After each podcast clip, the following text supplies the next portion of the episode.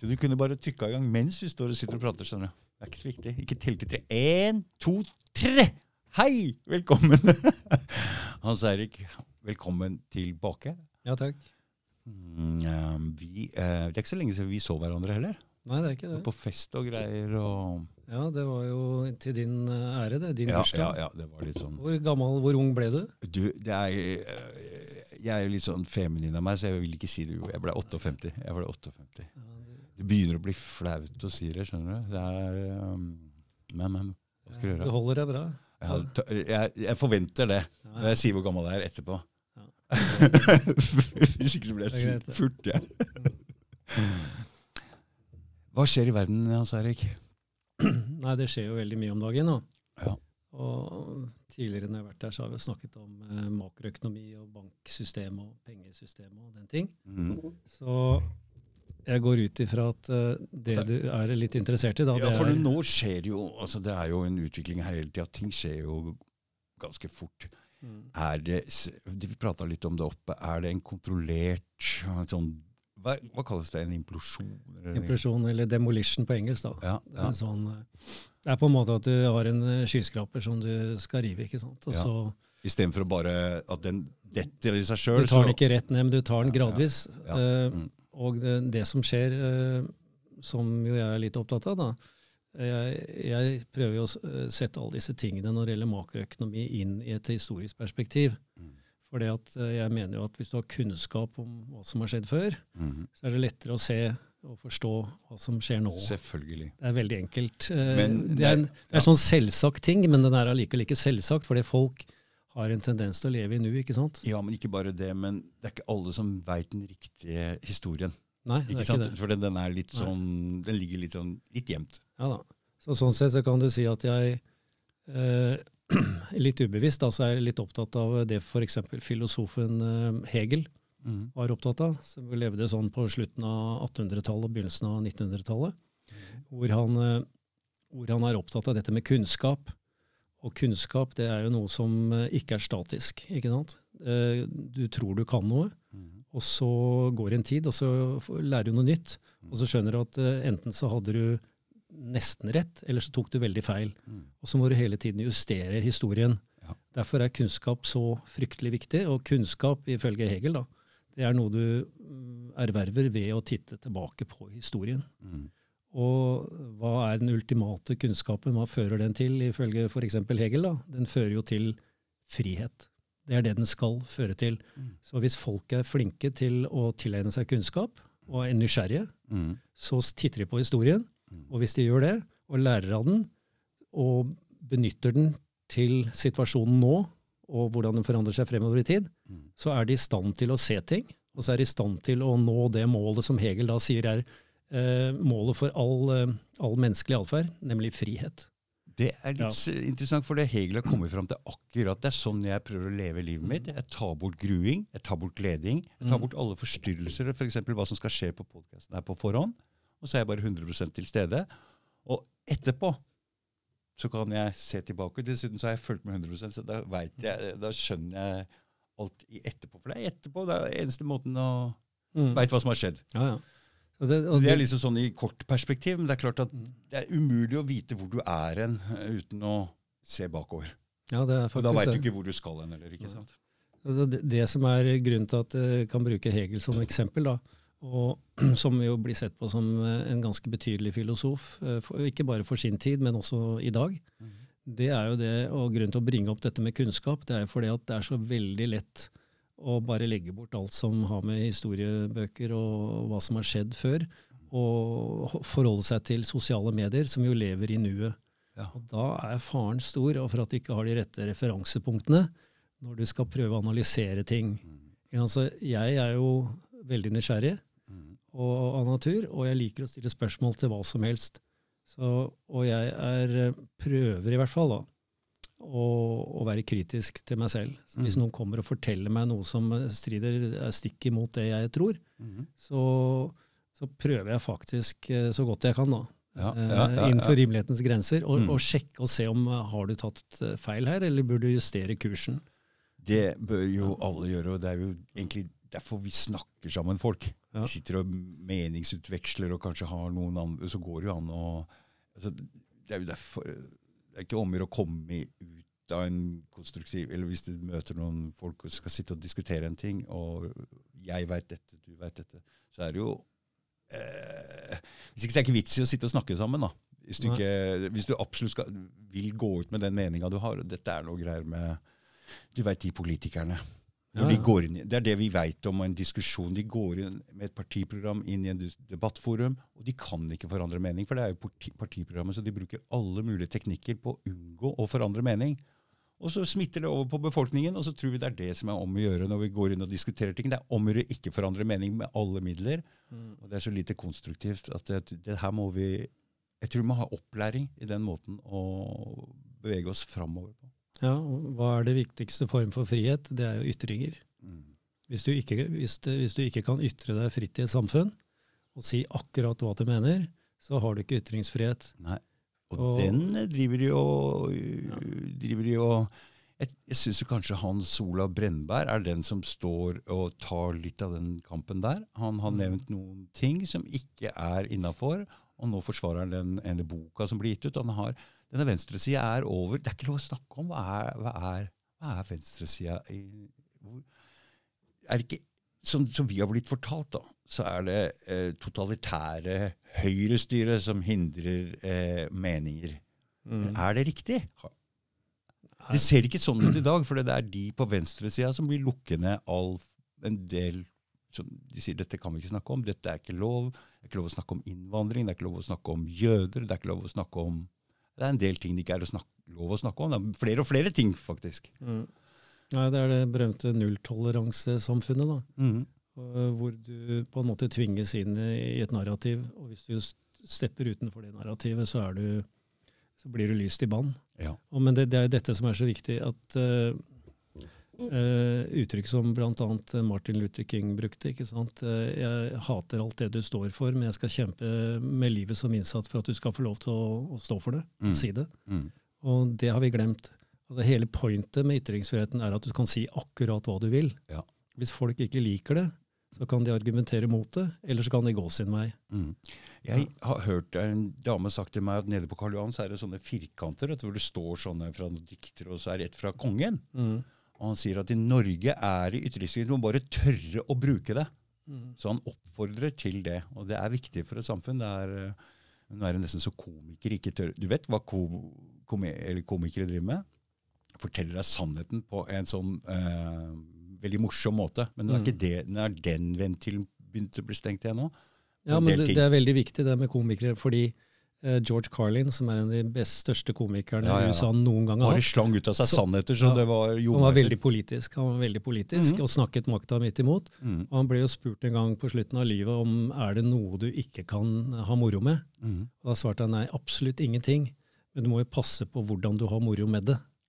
Ikke sant? Ja. Men, men du kan gjøre moro av absolutt alt. Ja, Det er, ingen, det er ingen begrensning for Altså, det. hvis det ikke er sannhet i, i humoren, så er det ikke noe morsomt. Det er, må være en viss form Mm. for uh, sånn absurd sannhet som ligger inni der. Hvis ikke så er det ikke noe moro. Ja, nei. Så ytringsfrihet eh, dreier seg om at du skal kunne si ting som er veldig ubehagelige for folk. Da har vi lagt grunnlaget for denne podkasten her. Ja, ja, da har vi bare sagt det. Ytringsfrihet, det har vi. Så da håper jeg det kommer noe veldig ytringer som ikke det er.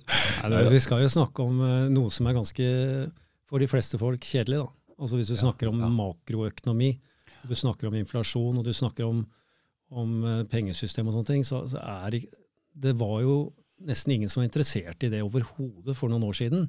Nei. Men pga. hvordan samfunnet nå er, og vi har inflasjon og tapt kjøpekraft, Mm. så er det jo en del mennesker som nå føler dette på pungen. Mm. Og da blir det plutselig et tema som folk plutselig har lyst til å høre på. Ja, men penger Altså, det er vel det Sånn som vi har bygd opp samfunnet, så er penger det viktigste som er. Um, vi setter oss i stor gjeld, og det er jo grunnen til at folk ikke kan ha ytringsfrihet. De har kjempestor gjeld. De mister jobben hvis de sier de og de tinga. Mm. Kan ikke si de tinga. Bort med jobben. Mm. Så, og du sitter i gjeld. Da, da på en måte så um, penger, Hvis du hadde hatt penger, så kunne du bare egentlig sagt hva du vil, hvis du hadde hatt nok penger. Ja, Da kan vi jo skille, da kan vi ta det med en gang når det gjelder penger. da. Og, og det vi jeg bruker ikke ordet penger om Nei. det systemet vi har nå. Jeg Ja. bruker ordet valuta, for det er det det er. Mm. Og bare for å ta det først. Uh, når vi snakker om pengetrykking, Mm. Så snakker vi om inflasjon. For pengetrykking er inflasjon. Resultatet av inflasjon, dvs. Si pengetrykking, det er øh, stigning i priser. Det er Mm. resultatet av inflasjon. Ja. Så bare ta den distinksjonen. Og, og penger øh, Hvorfor jeg skiller mellom valuta og penger, det er fordi at når du trykker penger, altså bare sentralbanken kan gjøre det, og skrive tall inn på en PC, ikke sant? Mm. Og mm, det som er valuta, det, har, det mangler en vesentlig egenskap for å kunne kalles for penger. Og den egenskapen, det er at, den holder seg, at det holder seg i verdi over tid. Du kan legge den og bort. Når, når inflasjonen er 5 eller 10 eller 15% eller som under Weimar-republikken i, Mm. i Tyskland fra, 19, nei, fra 1919 til 1923, når det var hyperinflasjon, så er det klart at den enheten de hadde da, hvor det var hyperinflasjon, eller en valutaenhet, som i dag folk kaller penger, men som ikke er det, Mm. eh, mister sin kjøpekraft pga. inflasjon med 5-10-15 i året, Mm. da har den ikke den egenskap penger skal ha. Da, da kan du ikke kalle det for penger. Det er kun én ekte penger i, i verden gjennom de siste 5000-6000 år, og det er gull. Og, og det er da ganske merkelig da, at for fire år siden så bestemte Bank of International Settlement, som er sentralbankenes sentralbank, vi kaller den i hvert fall for det, Hvor ligger den? den ligger i Sveits, Ja. Eh, da eh, kom de plutselig ut og annonserte at de hadde definert gull igjen som en såkalt one tier form of money. ikke sant? Og det, og det betyr eh, eh, ganske mye, fordi omtrent på samme tidspunkt i 2017 så begynte plutselig eh, veldig mange sentralbanker rundt omkring i verden og store private fond som ikke hadde vært i gullmarkedet, å kjøpe mye gull. Mm. Og i dag eh, så kjøper de fremdeles veldig mye gull. Mm. Som, Men- det, det er noe som skjer der ute, da. Så la oss bare se litt på gull, for det, gull i seg sjøl har jo ikke noe sånn særlig verdi, eh, bortsett fra at det blir brukt i smykker, og det er veldig fint å se på. Og så er det jo den at det koster en del arbeid å hente det ut, selvfølgelig. Men bortsett fra det, så er jo ikke dette har ikke noe verdi, det er ikke noe verdifullt. Det blir jo ikke brukt til så veldig mye verdifullt, tenker jeg. Så det er jo bare en ting La oss ta, ta diamanter, da. ikke sant? Hva er det som gjør at den diamanten eh, holder seg eh, sånn i verdi? Det er jo også bare et sånn lagd greie hvor de sier 'den er så og så fin', den er liksom, og så, og så kontrollerer de det markedet eh, ganske godt. Og så sier de til damer at det er veldig veldig, veldig fint å gå med. Eh, noe annen særlig verdi har jo ikke dette. Og det er litt det samme med gull også. Um, men eh, jeg skjønner at noe må vi ha som en slags sånn stabiliserende greie, og gull er kanskje det. Altså, gull har en kjempelang eh, historie, Ja. mange tusen år gammel, Ja, som, som å være penge. Ja. Og, og gull har også holdt seg øh, holder seg veldig stabilt i verdi, øh, selv i, i både i gode og dårlige tider. Ja, Men nå, som du sa i 2017, hvor folk begynner å kjøpe, så ser du at oi, prisene går opp. Her, da er det jo flere som kaster seg på og kjøper, så da vil jo det drive opp prisen på gull. ikke sant? Ja, det stemmer. Ikke sant? Så, så det er jo en sånn psykologisk faktor inni bildet her også. Det har med scarcity å gjøre. altså Mm, det, er, mm. det er bare så og så mye gull å, å få tak i. Mm. Og vi ser jo det. Sølv også. Men ofte- noen kontrollerer gullmarkedet òg, eller? Ja, det er jo altså Fiat-penger, da. Altså Fiat-penger, det Mm. pengesystemet vi har i dag, Ja. som er basert på å trykke penger, altså skrive tall inn på en PC. Det systemet der eh, kan manipuleres hele tiden. Det kan du ikke gjøre med gull, men de, de har jo gjort det med gull, fordi gull er en fiende av dagens pengesystem. Mm. Eh, Gull er en fiende av inflasjon. Hadde vi hatt et eh, pengesystem som var basert på en gullstandard, så hadde vi ikke hatt problemer med inflasjon. Ok, la, la meg bare ta fram en ting jeg beit meg merke i for lenge siden, når Norge solgte gullet sitt. Så kom det en kommentar som jeg bare husker, men jeg vet ikke om det stemmer. jeg vil Bare sjekke det med deg. Da var dollaren i ferd med å miste sin verdi, og så uh, fikk det jeg fikk høre, var at Norge solgte gullet for at gullet skulle synke i verdi, sånn at dollaren holdt seg. Kan det ha vært noe i det? Eh, Jeg har vanskelig for å tro at Norge hadde, Norge hadde ikke stor nok gullbeholdning til å kunne Nei, men Det kan jo ha vært en beskjed til flere enn akkurat Norge. Ja, det kan- ja, ikke det kan det ha vært. At det ble en sånn 'nå Ja. må vi redde den'. og så... Uh, for kan- gull, gull og dollar har vel kanskje vært litt konkurrenter, eller? Ja, det, er- det er helt klart at det er det. Det er, det er to Ja. forskjellige Mm. pengesystemer. Mm, mm, Det ene pengesystemet er et ærlig pengesystem, eh, og hvor, hvor du unngår inflasjon. Og det er klart at Hvis noen dumper gull, så vil jo prisen synke. Mm. Og da vil jo dollaren på en måte bli mer verdt i forskjell til gull. Ja, problemet er at eh, når du har en, eh, en valuta da, som, eh, i pengesystemet, som jeg kaller det, ikke ekte penger, Mm. så kan du manipulere det Ja. ved, å, ved å trykke mer av det. Du, Og- den norske krona Mm. den har synket veldig mye. Hva er det de driver, trykker de veldig mye norske kroner? Hvorfor? Jeg hørte noe om at uh, det er fordi vi uh, Hva var det? For det første, vi tjener noe penger Mm. mm, på oljesalg og sånne ting. Mm. Den hva, hva, får vi betalt i kroner. Og så må vi eh, selge masse kroner. eh, for det går ikke opp. Men jeg tenker hvis det er sånn at jeg må selge noe eh, altså Det er ikke sånn det foregår. Jeg må jo ha noen som skal kjøpe noe. Hvem er det som kjøper kroner, egentlig? Er det de som skal kjøpe varer av oss? Eller hvorfor trykker vi så mye penger sånn at norske kroner synker i forskjell til Det er tydeligvis ikke så mange som har lyst til å kjøpe norske kroner, da, siden den faller. Ja, men så, så, så Hvorfor trykker de masse norske kroner, da? Jeg følger ikke så mye med på hvor mye som blir trykket av, av Norges Bank om dagen. Og trykke, det er da Ja, trykke på, trykke, trykke, trykke på fingeren. eh, rett og slett fordi at jeg, jeg, tror ikke, jeg tror ikke norske krona faller fordi, fordi det blir solgt eh, mye eller lite, eller, eller at det har noe med det egentlig å gjøre. Eh, Grunnen til at norske krona faller, er jo fordi at vi driver landet vårt dårlig. Altså vi, vi har en Hvem er det som driver landet vårt dårlig? Ja, Ja, det er jo først og fremst de som sitter nede på tinget, da, som styrer dette, og har gjort det i mange år. Eh, vi, vi har ikke vi, Nå kom et nytt budsjett nå som går med 20, eh, ja, 23-24% underskudd på budsjettet vårt Ja. før vi tar inn oljen. Det betyr at vi får inn skatteinntekter eh, som ikke greier å dekke tilstrekkelig. Eh, faktisk må vi dekke inn da 23-24 med, med oljepenger. At vi dytter igjen et hull. Og dette har gjentatt seg år etter år etter år.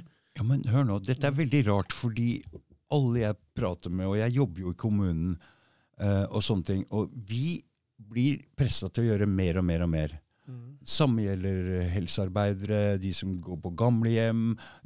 Alle må jobbe mer og mer for mindre og mindre. Så det er en slags sånn øh, Til og med en venn av meg skulle på skoleavslutning. De måtte leie teatersalen på skolen.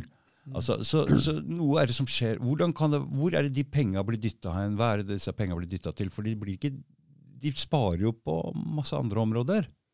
Ja, ja, Ikke sant? Så, så hva er det de bruker mer og mer penger på? Hvor går de penga? Hvor er det regnestykket? Nei, det, hvor det regnestykket er, det, det er sikkert et komplisert regnestykke, men, men poenget er at hvis du har et Fiat-pengesystem, eller valutasystem som jeg kaller det, Hva betyr Fiat egentlig? det er på ordre. Altså kongen beordrer herved f.eks. at dette betalingsmiddelet, det, det skal du bruke ved lov. Hadde Ja. ikke, hadde ikke, hadde Betyr ikke Fiat Ja, på ordre. Er det et litt latinsk Du, ord? du er herved beordret til å bruke denne 100-kroneseddelen. Ja. ja. Det er det det betyr. Og, og hvis du ikke hadde gjort det, så er det ingen som hadde giddet å bruke det papiret hvor det sto 100 kroner på, for det er ikke Ja, noe dritt. det der har han Ja. Rune Rune Ja. Forteller hvor historien kom fra. Kongen bestemmer, uh, og, Ja. og inflasjon er det Men, men problemet med at ikke pengene strekker til, og folk må jobbe mer, henger jo sammen med pengetrykkingen. mm. Du, du kan tenke deg, hvis, hvis vi hvis, hvis jeg hadde en hundrekroning her nå, Mm. og det var den første hundrelappseddelen Ja. som fantes, Mm. og jeg lånte den til deg, Mm. og så skulle du betale meg tilbake den om ti år. Ja. Men du skal betale rente på den hvert år. Ja. Eh, og det, men det er den eneste 100-kronersseddelen som er i sirkulasjon. Mm. Den har jeg lånt til deg. Okay? Når du da kommer på slutten av det første året og du skal betale meg 5% rente på den, hvor får du de Da river jeg en liten bit av den hundrelappen og sier jeg det er 5, Ja, ja, riktig. av den. Ikke du, du skjønner at det, det, det. går ikke. Jeg vet det. Ja. Så og, det- ja, Mm. da, det er neste poenget. Mm. Det er derfor hele pengesystemet er et ponzi-skim eller et pyramidespill. Mm. Fordi rentene til å betale tilbake på den 100-kronersseddelen, som er kreditt Mm. for det bankene gjør, Mm. det Norges Bank gjør, det er å trykke penger. Det er det Mm. eneste som kan gjøre det. Det skaper inflasjon. Det bankene gjør, det er jo å, å, og, og skape kreditt nærmest, eh, nærmest ut av tynn luft. Men tynn luft er også feil. De skaper det ut av gjeld. Så det de gjør, er å gi deg gjeld. De, du kaller det såkalt Jeg sier jeg vil ha pe- penger, og de gir meg på en måte de pengene. Det banken gjør, er å facilitate credit. Mm. Tilgjengeliggjøre kreditt, slik at du kan låne penger til å kjøpe deg et hus. Mm. Og det, det, er, det er egentlig falskmyntneri, på godt norsk.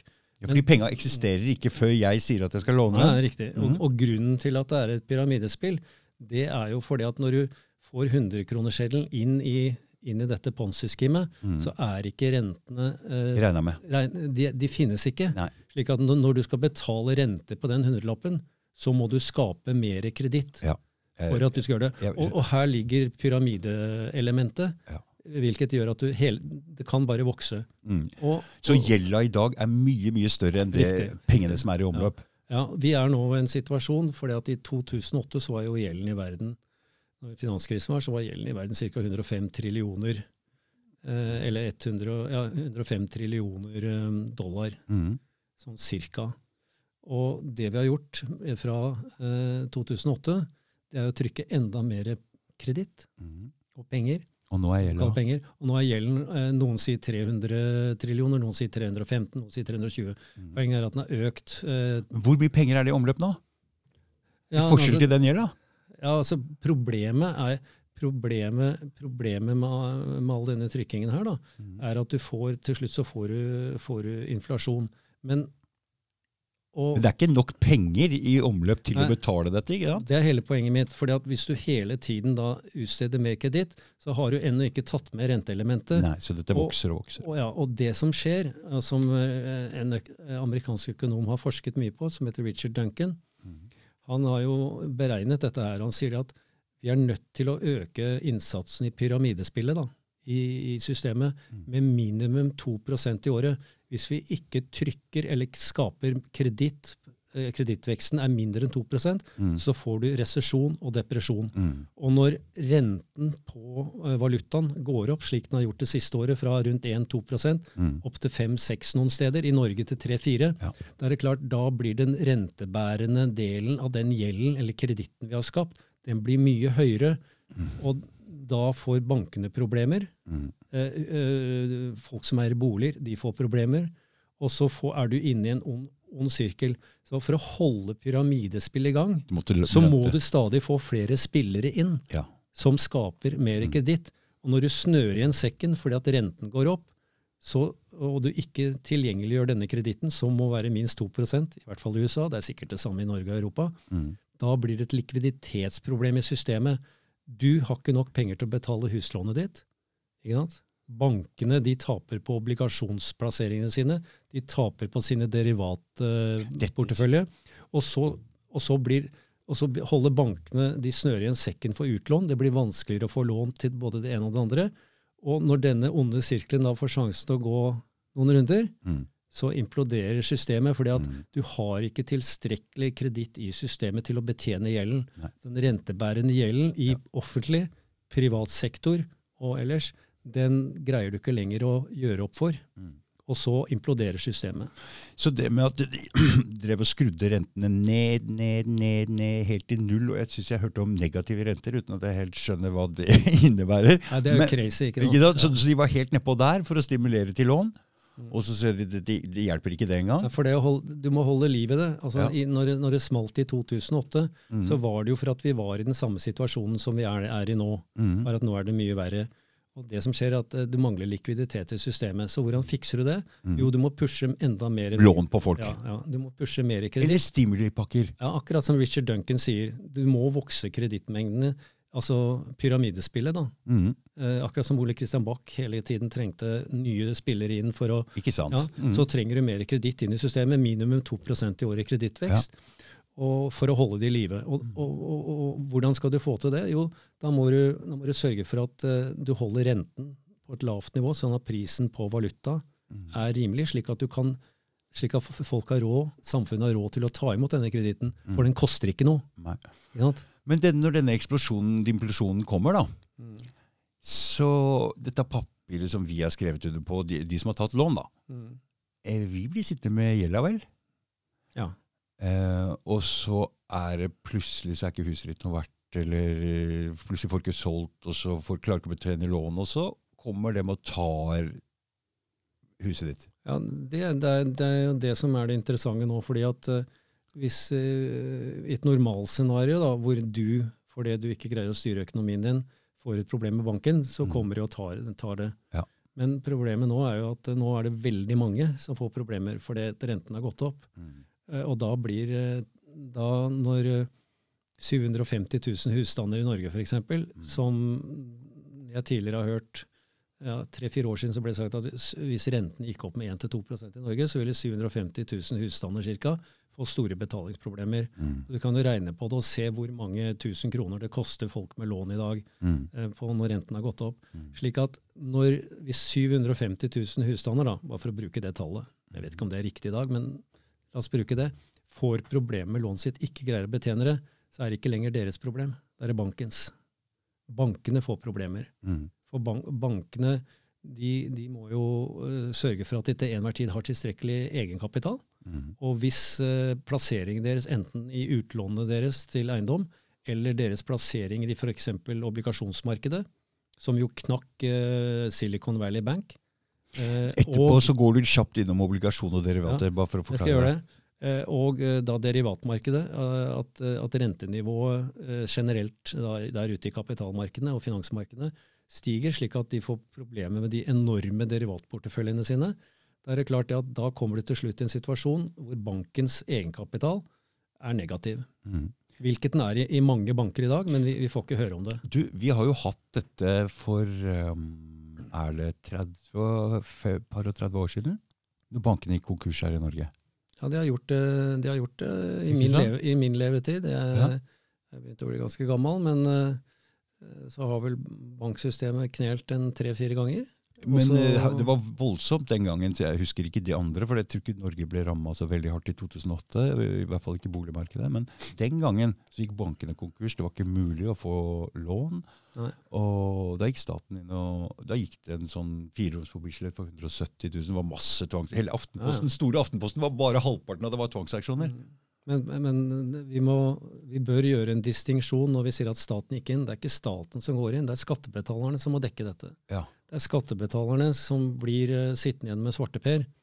Og, Ja. og Og så ga de det bare tilbake igjen til, ja, ja. til, til de private som fikk lov å fortsette med det samme greiene. Ikke sant?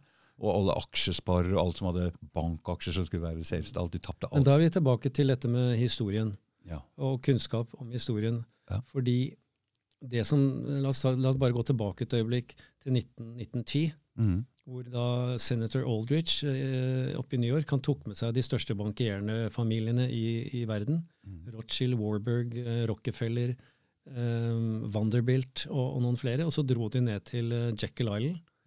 Jævla navn på en øy vet du, for dette greiene her. men... eh, Jekyll men Hyde. Jack. Jekyll Island ligger Nei, nei. i Georgia, i staten Georgia i USA. Mm. De tok en privat uh, togvogn ned dit, og historien vil ha det til at de, at de reiste under falsk identitet. Og der nede klekket ut planen om å, å skape det som ka- i dag kalles The Fed, altså The Federal Reserve Bank, som er sentralbanken i USA. Men er ikke historien litt lenger enn det? For de har prøvd, de har prøvd, Ja da, hadde de ikke prøvd seg flere ganger å lage sentralbank i USA? Jo da, de har det. Ikke sant? Men hvis jeg bare drar, drar gjennom den historien der, for Ja. å sammenligne med i dag. mm. Grunnen til at de ønsket å etablere en, en, en, en bank som de hadde kontroll på, Ja. og skal huske på at Federal Reserve er privat eiet. Jeg, jeg Det er derfor, det er derfor ordet. Ja. Eh, så måtte de pakke det inn på en sånn måte at de fikk godkjent av eh, Kongressen i USA. Eh, og hele grunnen til at de møttes, det var for at eh, det var et stor oppblomstring av eh, etableringen av eh, privatbanker i USA, for så vidt også i Europa. Og dette ønsket de å stoppe.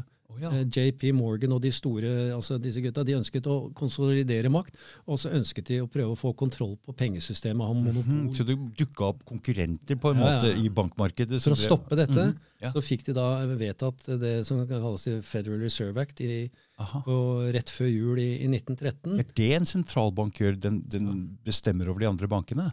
Ja, altså det, er, det, er, det, er, jo det er sentralbanken som har eh, monopol på å, på å trykke penger Hvordan fungerte det systemet før sentralbanken? eh, i Fed. eh, eh, ja, før 1910? Ja, det har vært masse Fiat-pengesystemer før det, for det er mange tusen. Ja. Men hvordan fungerte det med alle disse privatbankene som du sa poppa opp, og hva var liksom reguleringgreia eh, der? Det var mye friere enn det var i dag, men det er klart det at eh, når dette skjedde da i årene eh, før 1910 og etter 1910, Ja. så var det klart det at de, disse bankierne på, på Wall Street, da, JP Morgan, Rothschild, Rockefeller, de ønsket å, å konsolidere bankmarkedet og ha kontroll på det. Mm. Og det, det bringer meg til poenget, fordi det greide de den gangen, og så fikk de da monopol på, på, på pengetrykkingen. Mm. Eh, altså gjennom sentralbanken. Mm. Og, men dette var bare det første skrittet. Eh, slik eh, J. Edward Griffin, som ble nevnt her i begynnelsen, har skrevet om i boken fra, som heter eh, The Creature from eh, Jekyll Island, Mm. så var delmålet å få nærmest et oligopoli eller mono, monopol over pengesystemet, av pengetrykkingssystemet. Men det var jo ikke det de ville ha til slutt. Til slutt ville de ha full kontroll. Og jeg er jo den oppfatning som også J. Edward Edgar Griffin er av. Så jeg har ikke suget dette av eget bryst. Men alt det jeg ser nå, tyder på at det Griffin skrev om for ganske mange år siden, stemmer. Nemlig, nå ønsker de å samle alt, all makt under ett tak, og det taket det er kanskje da de tre-fire største bankene i USA, sammen med The Federal Reserve, som de selv eier. Altså De fire-fem største aksjonærene i Federal Reserve er de fire-fem største privatbankene i USA og verden. Eh, Jeg, jeg vet ikke nøyaktig hvor mye JP Morgan eh, eier av The Fellowship, men de eier over 20 Og så eier de andre bankene litt. Jeg tror at de fire-fem største eier et sted rundt 60-65% Så de har full kontroll på dette. Prater vi om i USA bare? Eller? Ja, nå prater vi USA. Ja. Og så kan vi jo si hvor, hvor, lang, hvor store fangarmer har de? Mm. Og det er litt avhengig av hvor langt ned i kaninhullet du ønsker å krype da, for, å, for å analysere det. Mm, mm, mm. Det er klart fangarmene er ganske store. Ja. Men jeg mener jo at det som, det som skjer nå, det er en konsolidering, og bevisene, eller de, de tegnene man ser på denne konsolideringen, hvor de skal samle all makt, eh, ikke denne sal som ble sagt når eh, Grunnloven. Sverdrup var det vel som Ja, sa det. Her er det å samle all makten et sted. Og, og, og de, de tegnene vi ser til det, det er jo at disse regionale og mellomstore bankene i USA, De de greier ikke dette rentenivået. Mm. Eh, og så kommer jo Janet Yellen ut og sier at det er ikke sikkert vi vil redde dere. For det er ikke sikkert at dere er store nok til Og det skaper vi usikkerhet Ja, til for kundene som Ja, flytter fra disse småbankene over til de store. ikke sant? Dette er jo da når du ser at JP Morgan plukker opp f.eks. First Republic Bank Mm. i USA, som er blant de ja, 25 største bankene kanskje i USA. Fordi folk men- tar ut penger og lån ikke sant, Ja. derfra. Mm. Jo, altså, når Janet Yellen, som er treasury secretary, altså finansminister, da, sier at det er ikke sikkert vi gidder å redde dere, vi redder de store, da vil jo folk eh, kanskje ta ut pengene sine og flytte de over til de andre. Ja. Men, men, men det som blir så rått oppi dette, er det som viser at kanskje Ed G. Edward Griffin har rett i den analysen han gjorde for mange år siden, om at de skal ta over alt. Det er jo det at når First Republic Bank for eksempel, da, eh, er i ferd med å gå over ende, så går JP Morgan inn og redder den. Mm. Og det JP Morgan gjør, det er at de, Kjøper den. ja, altså de tar over alle de eiendelene eh, som har verdi, er, som er positive.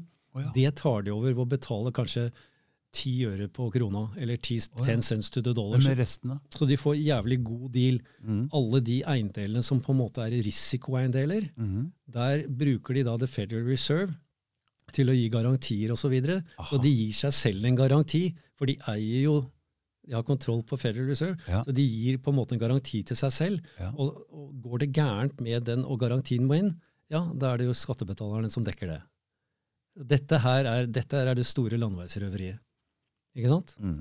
Men dette landeveisrøveriet er jo flere og flere som blir oppmerksom på. Mm. Altså, dette er jo uh, all over media i, i USA. Ja. Kanskje ikke i mainstream så mye, men det er veldig mange økonomer og analytikere og sånn som, som, som, som snakker om dette. Mm. Så, så det, for 20 år siden jeg begynte å så dette for første gang, ja. så en sånn der luguber, sånn svart-hvitt nesten film, han prata om dette her, ja, ja. da var det ganske sånn eh, Det var ikke mange som eh, skjønte at penger Jeg skjønte ikke sjøl penger jeg heller. Jeg, skjønte ikke helt. Men dette er jo den sterkestes makt. Mm. Og, og her, hvis, du, hvis du sitter på pengesekken, Mm. eh, på pengetrykkesekken gjennom ditt eierskap i Federal Reserve, som er privat sentralbank, Mm. Og, og, og, du har en Annen privatbank også. Du har en svær bank som ja, ja. hvis du får problemer, eller hvis du vil kjøpe opp noe og ikke vil ta risiko selv, så går du til sentralbanken. For dette i siste instans, hvis sentralbanken skal ha inn pengene, så er det skattebetalerne de går til. Mm. Og det morsomme er at politikerne har ingen innflytelse i det hele tatt over dette pengesystemet. Altså, Da kan man jo spørre seg altså, Ikke sant? Er det ikke sånn? De har begrenset innflytelse, og så kan man spørre seg hvorfor det. Og det er jo For det er jo det viktigste Men svaret er jo åpenbart. Ja. Hvorfor de ikke har det. Ja. Det det er kjøpt og betalt. Ja, ja. Det er sånn det funker. Mm. Og nå uttaler jeg meg først og fremst om USA. Mm. Eh, Jeg tror ikke nødvendigvis det er eh, likt i Norge. Nei, det Det, det det, sier jeg ikke. Nei, for det, det å bli eh, senator eller stille til valgkamp og sånn i USA, det koster penger. Ja. Og da må du på en måte ha noen som Ja, sponser dette. huske på, altså, altså Som jeg skrev i siste, eh, nest siste nyhetsbrevet mitt om disse tingene, hvor jeg forklarte hva forskjellen på valuta og penger eh, veldig nøye, slik at man skal forstå det, Mm. eh, så er det sånn at eh, Bill Clinton han fikk jo veldig god støtte, akkurat som Hillary. Det er ingen som har fått så mye støtte fra Wall Street. Ja, sorry. Det er ingen som har fått så mye i, i valgbidrag eh, som, som Bill Clinton og fikk i sin tid, eh, som gjorde at han vant presidentvalget. Og dette fikk han fra Wall Street. Så hva gjorde Bill Clinton i, eh, på 90-tallet? Eh, jo, han fjernet det som kalles eh, Glass-Steagall eh, Act. Glass-Steagall Act det var en det var en, en, en lov som ble innført tror jeg, på 30-tallet en gang for å begrense altså Dette var i, i, i etterkant av den store depresjonen, så vidt jeg husker. Mhm. Og den ble innført for å sørge for at de ikke skulle kunne trykke så mye penger. Du skulle ikke kunne ha et banksystem som drev med Fiat eh, helt ubegrenset og bare skapte kreditt For dette er etter 30-tallet, det er Ja, ja, ja. etter den store depresjonen. Ja. Mm. Og det de gjorde, var at de sa det at de, de delte opp bankvirksomhet. At, at eh, denne, disse bankene de kan bare drive med utlån, basert på at folk eh, putter inn pengene sine i banken. Ja. Og så denne banken, såkalt investment bank, de kan bare drive med, eh, med det. Og, det. og det er en helt annen business. Det bankene ville, Ja. det var selvfølgelig å gamble med folks penger. Mm. Slik at eh, de gikk da til Bill Clinton, og han snakket med Glass-Steagall, det er jo navnet på de to eh, senatorene som var med å, mm. å lage denne loven, som ga, ga de anledning, bankene, til å blande de, de tingene sammen. Mm. Så de kunne Og bruke da- våre sparepenger Ja, ja. til å Da var det fritt frem mm. for å dra på kasino. Ja. Eh, Jeg kaller det dra til Las Vegas, Ja. og så bruke den samme hundrelappen om igjen om og om igjen. Altså til slutt Hvordan bruke den samme hundrelappen om igjen? Jo, det er det Fiat-pengesystemet legger opp til. Altså, du, du de skaper jo kreditt. Altså, når, når, når du går i banken og skal ha ti millioner til eh, huset ditt, så har jo ikke banken eh, disse pengene i utgangspunktet. De skaper kreditt. Ja. Facilitate credit, som er Mm. noe helt annet enn å låne deg penger på en Mm. redelig og ærlig måte. Det er jo egentlig brudd på straffeloven 367, 368 og 369, i Mm. den form at det er forfalskning av penger, Mm. egentlig Mm. så blir det, får det bli en sak eh, Hvis det noen gang blir en diskusjon om dette, så, så får det jo bli en sak for advokatene da, å avgjøre om det som er gjort. For det, dette, det du gjør, er jo lovlig. Altså, det er jo nedfelt i lov at det er dette de kan gjøre. Mm. Og så er det i strid med da 367, 368 og 369 i straffeloven. Mm. Jeg vet ikke. Men, men du vet hva jeg Mm. Mm. mener. Mm. Ja, sånn at Glass-Steagall Act, som Clinton da ga, eh, ga, til, eh, ga, ga til bankene, da, Ja. eh, Goldman Sachs og Morgan Stanley og JP Morgan sånn, det var jo med på å øke da all trykkingen. Det var med på å øke kredittmengden i samfunnet, som har da ført oss ut til finanskrisen i 2008. Og istedenfor å reparere det ved å si at ok, nok er nok, det har vært moro, La oss sette på den la, igjen. la oss stoppe dette nå. Mm -hmm. Isteden så trykket de enda mer, slik at gjelden økte fra 105 trillioner til 314, eller hva den er i dag, Mhm. for å holde renten nede. For du er nødt til å holde renten nede ved å utstede stadig mer kreditt. Mhm. For hvis du ikke gjør det, og renten stiger, slik den har gjort nå, fordi at nå snører de igjen sekken, så blir renten for høy, og så detter alle disse boblene sammen. Og, og det er det vi ser tegn på nå. Mm. Men det vi prater om, at hvis dette Når sånne ting skjer, da, at så vil det bli eh, revolusjon eller opprør eller streiker og masse bråk i samfunnet. Og så ser vi samtidig dette digitale pengesystemet som de driver og prater om hele tiden her litt sånn i bakgrunnen. Uh, um, uh, er det vi på Krasjer de det gamle, og kommer det noe nytt? Hva er, hva er, hva er det som foregår her nå? Jeg tror at Skal de gjøre det best mulig for oss, eller kommer det en skikkelig karamell hvor folk sitter igjen med gjelda sjøl? Hvordan har de tenkt å løse dette her? De må jo være litt første- eh, humane her, holdt jeg på å si. Jeg har jo sagt i, jeg har sagt i sikkert to år nå, eh, til protester fra andre jeg har snakket med, som, eh, som også følger dette markedet, at jeg tror de kommer til å gjøre det samme som de gjorde fra 1926-27 til 1929.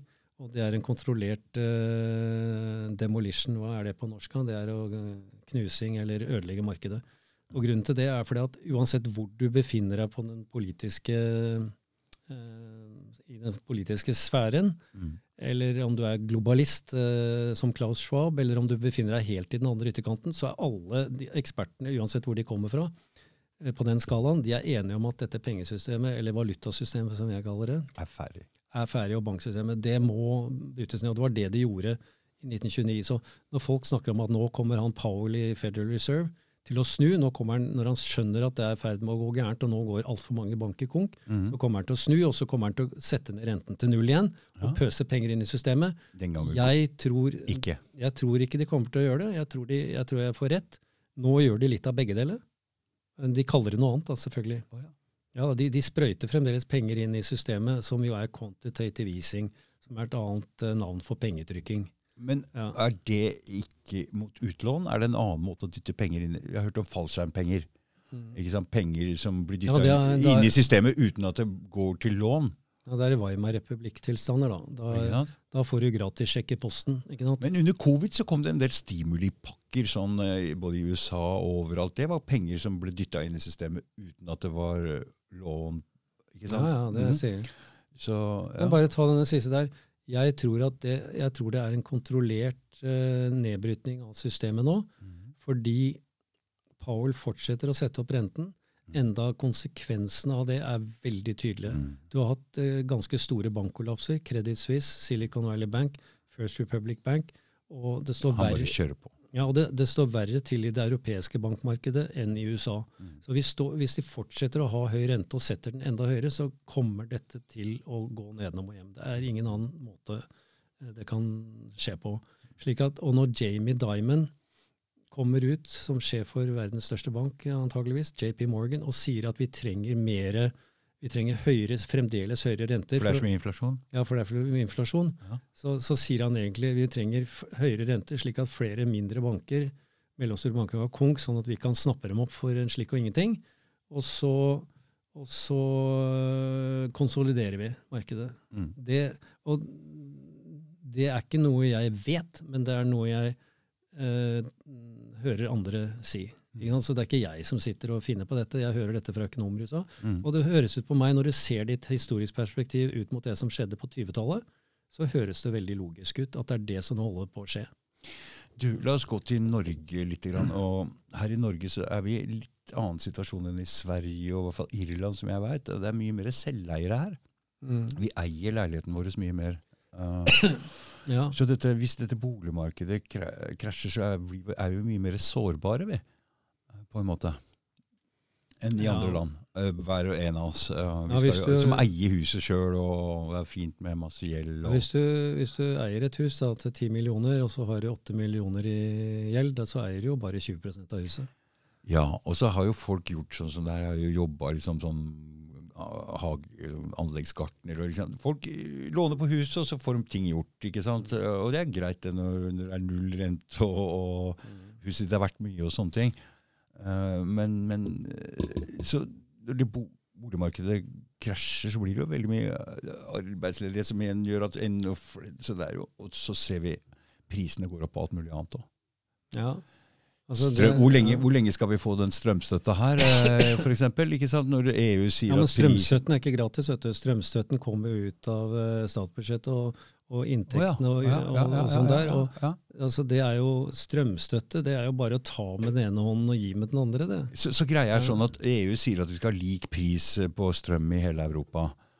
Og så sier Norge at vi skal gi strømstøtte, men det er egentlig fra skattepenger som egentlig vi betaler allikevel. Så det er, ja, men sta, hvis, hvis, Jonas Gahr Støre og regjeringen og Stortinget sier at eh, Dag Thomas, du, strømregningen din i forrige måned var 5000 kroner, og vi, vi, skjønner at du ikke greier det, så vi skal mm. gi deg 3000 i subsidier for å greie det. Da må de ta de pengene fra et sted.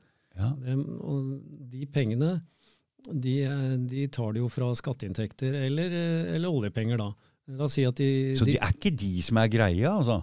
Altså staten, staten har jo ingen penger i utgangspunktet. De har jo ikke det. Nei, nei, nei. det er, vi, vi, bruker ordet staten altfor ofte. Staten må redde ditten, staten må redde datten. Mm. Poenget er at staten har i utgangspunktet ingen penger. Det er skattebetalerne som har penger. Så strømstøtte er egentlig bare tull, for vi får igjen på skatteseddelen? Er det det sier?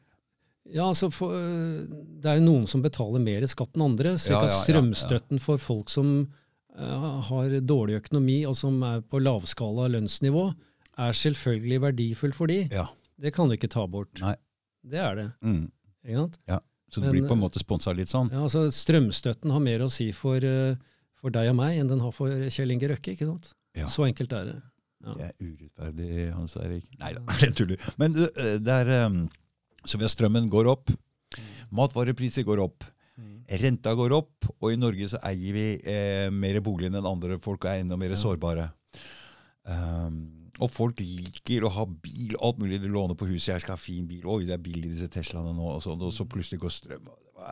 Vi er, her, her kommer jo, kom jo den Fordi Norge har så mye penger, sier vi. Vi har så mye penger. Vi er Norge verdens rikeste land. Ja, forskningen til Richard Duncan Mm. som er anerkjent uh, i USA. Som, han får jo støtte fra de fleste på dette. Mm. Den er jo like, like, gyldig i Norge som den er for USA. Mm. Og det er Hvis du ikke har den tilstrekkelige kredittveksten i økonomien, altså du greier ikke å, å vokse Holde pyramidespillet i gang, mm. så, så, er det klart, da får du store problemer. Og da, da snører bankene igjen sekken også, fordi at de, renten stiger. De ser at det er risiko for mange for mange misligholdte lån, boliglån osv., så, videre, så snører de igjen sekken, og så skuler de på hverandre også. Fordi at Banksystemet er jo veldig tett sammenbundet. Mm. Går den banken, går Deutsche Bank over ende i Tyskland, så går DNB her. ikke sant? Mm. Ikke sant? Mm. Fordi de har mye butikk sammen. Ikke sant? Det heng, alt sammen henger, alt henger sammen. Ja, så det er sånn snakk om dominobrikker. Mm, mm. Så, så det, er jo, det er jo klart det at eh, da da fører det til eh, store problemer. Og når du ikke får tilstrekkelig da med kredittskapning i økonomien, ja. så går ting over ende. Ja, Men så tenker alle nordmenn at det er ikke så farlig, fordi Norge har så mye penger. Vi går så mye penger. Så da går vi til denne pengesekken, da, dette oljefondet og det greiene. og skal liksom, eh, Når alt dette raser, så skal vi ja, vi kan bare hente litt penger der. Men disse pengene er jo investert i, i, i utlandet, i aksjer, i dollar Hva er det oljefondet uh, Er det noe penger der når vi skal gå og hente noe penger, eller er, er det ikke noe? Jeg, liksom, jeg lurer ja, jeg, jeg, altså, jeg, begynner altså, Oljefondet er jo eksponert, uh, har jo investert i hovedsakelig i obligasjonsmarkedet. Hva er det? Statsobligasjoner og alle, alle, andre typer eh, obligasjonspapirer. da. Eh, og så er, er, er i aksjemarkedet. Så er de aksjemarkedet. Hva er det som er vits med å, å investere i obligasjoner og sånne ting? Er det lønnsomt, eller er det sikkert, eller hva er det for noe? Det skal jo være eh, risikofri, en risikofri investering, da. Men hva er det for noe? En obligasjon? Oblig det, det, betyr jeg lover? Det er et gjeldsbrev. gjeldsbrev. Ja, slik at Hvis du kjøper en norsk statsobligasjon, eller en amerikansk tiåring f.eks., som mm -hmm. de kaller det, Federal Reserve Note, eh, statsobligasjon, så skal jo det være den sikreste eh, investeringen du gjør fordi det er staten som garanterer den, på en måte. Og, eh, så For du sa ikke er, du sa skal være. skal være. Nå viser det seg jo at eh, det er ikke sikkert at det er sant lenger, da. Nei. Eh, men den skal, den skal på, i, på, Skulle vært. skulle vært det, og den har, den har vært det. Den har vært det. Ja, så, sånn at eh, det er såkalt eh, nærmet, tilnærmet risikofri investering, hvor du da får en lav avkastning. da. Mm, så lurer jeg på, nå som vi ser denne Brix BRICS kommer, og liksom den husker, så Det kommer en annen sånn alternativ til dollaren. da. Har vi vært så lure at vi har investert noe i disse landene, altså Russland og Kina og sånne ting? Hvis det der dollarkollapsen som folk prater om, kommer, er, blir penga, oljefondet borte, eller har vi vært lurt å investere? Er det populært for oss å liksom investere i Russland, f.eks.? I Kina? I disse Ja, altså det, det det går på når det gjelder oljefondet, er som sagt at de har investert i, eh, i aksjer og i, eh, I Vesten?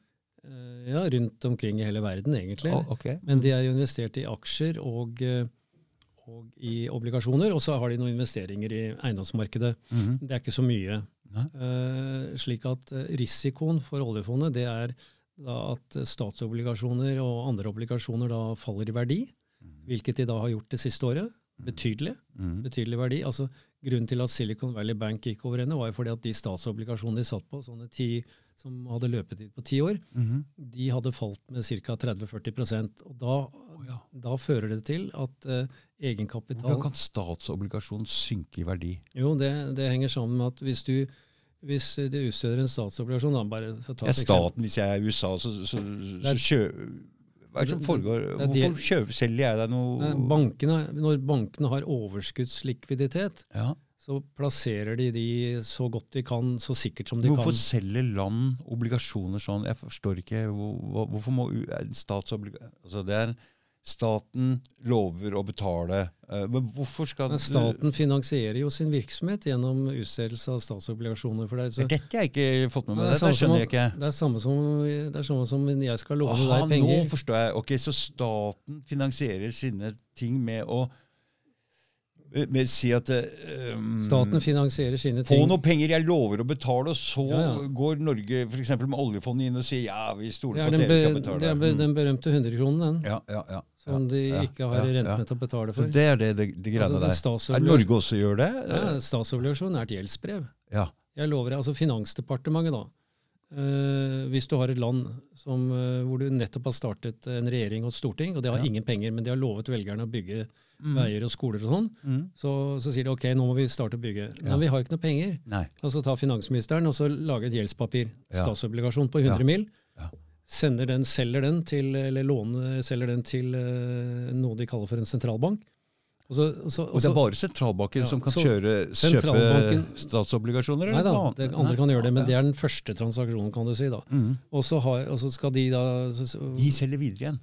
nei, så skal sentralbanken da låne 100 millioner til uh, Finansdepartementet, slik at Finansdepartementet kan gi de pengene til skoler og veier og alt sånt. ikke sant? ja, ja. Men poenget er jo at når først, den første transaksjonen som skjer her, er jo at Finansdepartementet har ikke noe penger. Så han utsteder et gjeldsbrev, en statsobligasjon, på 100 mil, sender den til sentralbanken, og så skal sentralbanken gi 100 mil. Ja. Men sentralbanken har heller ikke noe penger. Nei, nei. Så den skriver en dekningsløs sjekk på 100 mil som den sender til Finansdepartementet. Så begynner de å bygge og ordne. Ja, ikke sant? Og det, da har du den første transaksjonen som er i gang. Mhm. Og til syvende og sist så blir jo da den gjelden som oppstår her, den blir da skattebetal. Den skal du dekke og betale tilbake ved hjelp av skattemidler. Mm. Det er sånn det skjer. Så nå sitter den sentralbanken på statsobligasjoner, og da kan de selge de statsobligasjonene til andre, som f.eks. oljefond og sånne ting, eller? Er det sånn? Ja, altså Oljefondet sitter jo på obligasjoner eh, som er utstedt mange, mange forskjellige steder. Ja. Og problemet da, for, for Er dette alle obligasjoner statsobligasjoner? Nei da, det Nei, nei. finnes andre også. Selvfølgelig. det store finnes- Ja, du har hørt begrepet junk bonds, har du ikke det? Jo. Ja, det, er, det er obligasjoner. Altså Bedrifter kan jo, kan jo eh, Også også utstede et obligasjonslån. Er bond-obligasjon? Ja. Da høres ikke så Ja, bond, ok. Ja. ja, altså ikke sant eh, eh, Det er derfor du har noe som heter Norsk tillitsmann, eller som, som nå heter Nordic Trustee, som da er, som er ivaretager eller en manager for, for en, veldig mange obligasjonslån i markedet. Hvis, hvis, okay. Jon, hvis Jon Fredriksen Sidril vil, eh, vil ha tak i mer penger, mm. så kan den enten eh, utstede aksjer, eh, flere aksjer og ta inn penger på den måten, eller så kan de utstede et obligasjonslån f.eks. Mm. Og Sidril og Jon Fredriksen vil jo ha en høy rating, sånn at det er sannsynligvis lett, lett salgbart i markedet. Så da utsteder han f.eks. et eh, obligasjoner da, på tilsvarende en milliard kroner eller en milliard dollar, dollar videre, og da kan private kjøpe opp dette. Men tillitsmann, hva, hva var det for Norsk tillitsmann det er rett og slett en eh, administrator av, eh, av disse, den obliga, obligasjonslånene i Norge. Ok. De, de er en Er de slags, tilknyttet banksystemet? en slags en manager. Det høres veldig statlig ut, men Pareto for eksempel, og DNB er, jo aksjonærer i disse greiene her. Ok, ok. Ja. Ja. Dette, dette vet jeg. Skjønner jeg aldri. Nei, sånn at, men, men tingen med oljefondet, da, bare for å komme Ja. tilbake og avslutte det, det er jo at eh, av disse, Hvis vi ser bort ifra hva de har investert i eiendom, da, for det, selv om det er mye penger, så er det en forholdsvis liten prosentavdel Mm. av fondet. Men eh, eh, en veldig stor andel av fondet, oppi 90% tipper jeg, eller litt mer, er jo i, stats, eller i obligasjonsmarkedet og i aksjemarkedet. Og det er klart at hvis, eh, hvis renten går feil vei på disse tingene, så, så, så, så, så taper de penger. I aksjemarkedet taper de penger fordi at eh, prisen på kapital går opp, og så etter hvert så synker jo verdien på, på, på bedriftene så, som en følge av, av større rentebærende gjeld eh, på det bedriftene bedriften har lånt, osv. osv. Slik at eh, da kan det bli mindre verdt av den grunn. Mm. En, et annet poeng er jo at eh, eh, sist jeg sjekket, så var ca. 80 av eh, porteføljen til eh, oljefondet, eller Statens pensjonskasse utland, eller hva de kaller det. Er det det samme?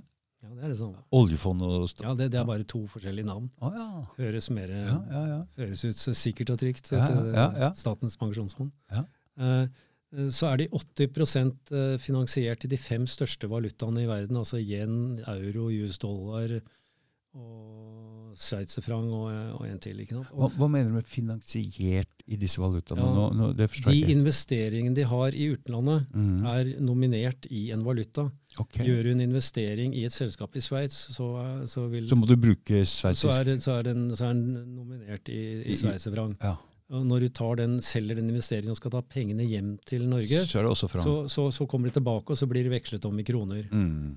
Så Ja, nå, nå, ja. nå, det blir en liten øh, Nei, men det er litt interessant. Ja. Mm. at, Og hvis, hvis alle disse valutaene er basert på et Fiat-pengesystem, altså et pyramidespill, Mm. så er det klart det at hvis du hele tiden bygger opp dette kredittsystemet, da, og det imploderer, Mm. så er det klart hvordan går det da med de valutaene som de, de 80, 80 som er investert, Ja, hvordan går det med ja. den porteføljen? Nå ser jeg den der pengesekken. Den forsvinner litt Litt, grann her sant? Ja, Jeg håper bare det er noe igjen da, når, det er, når vi åpner opp den og det går til helvete og vi skal titte oppi der, Ja. at det er noe der. Ja, spiller det noen rolle om det er noe igjen når de ikke får noe godt ut av det?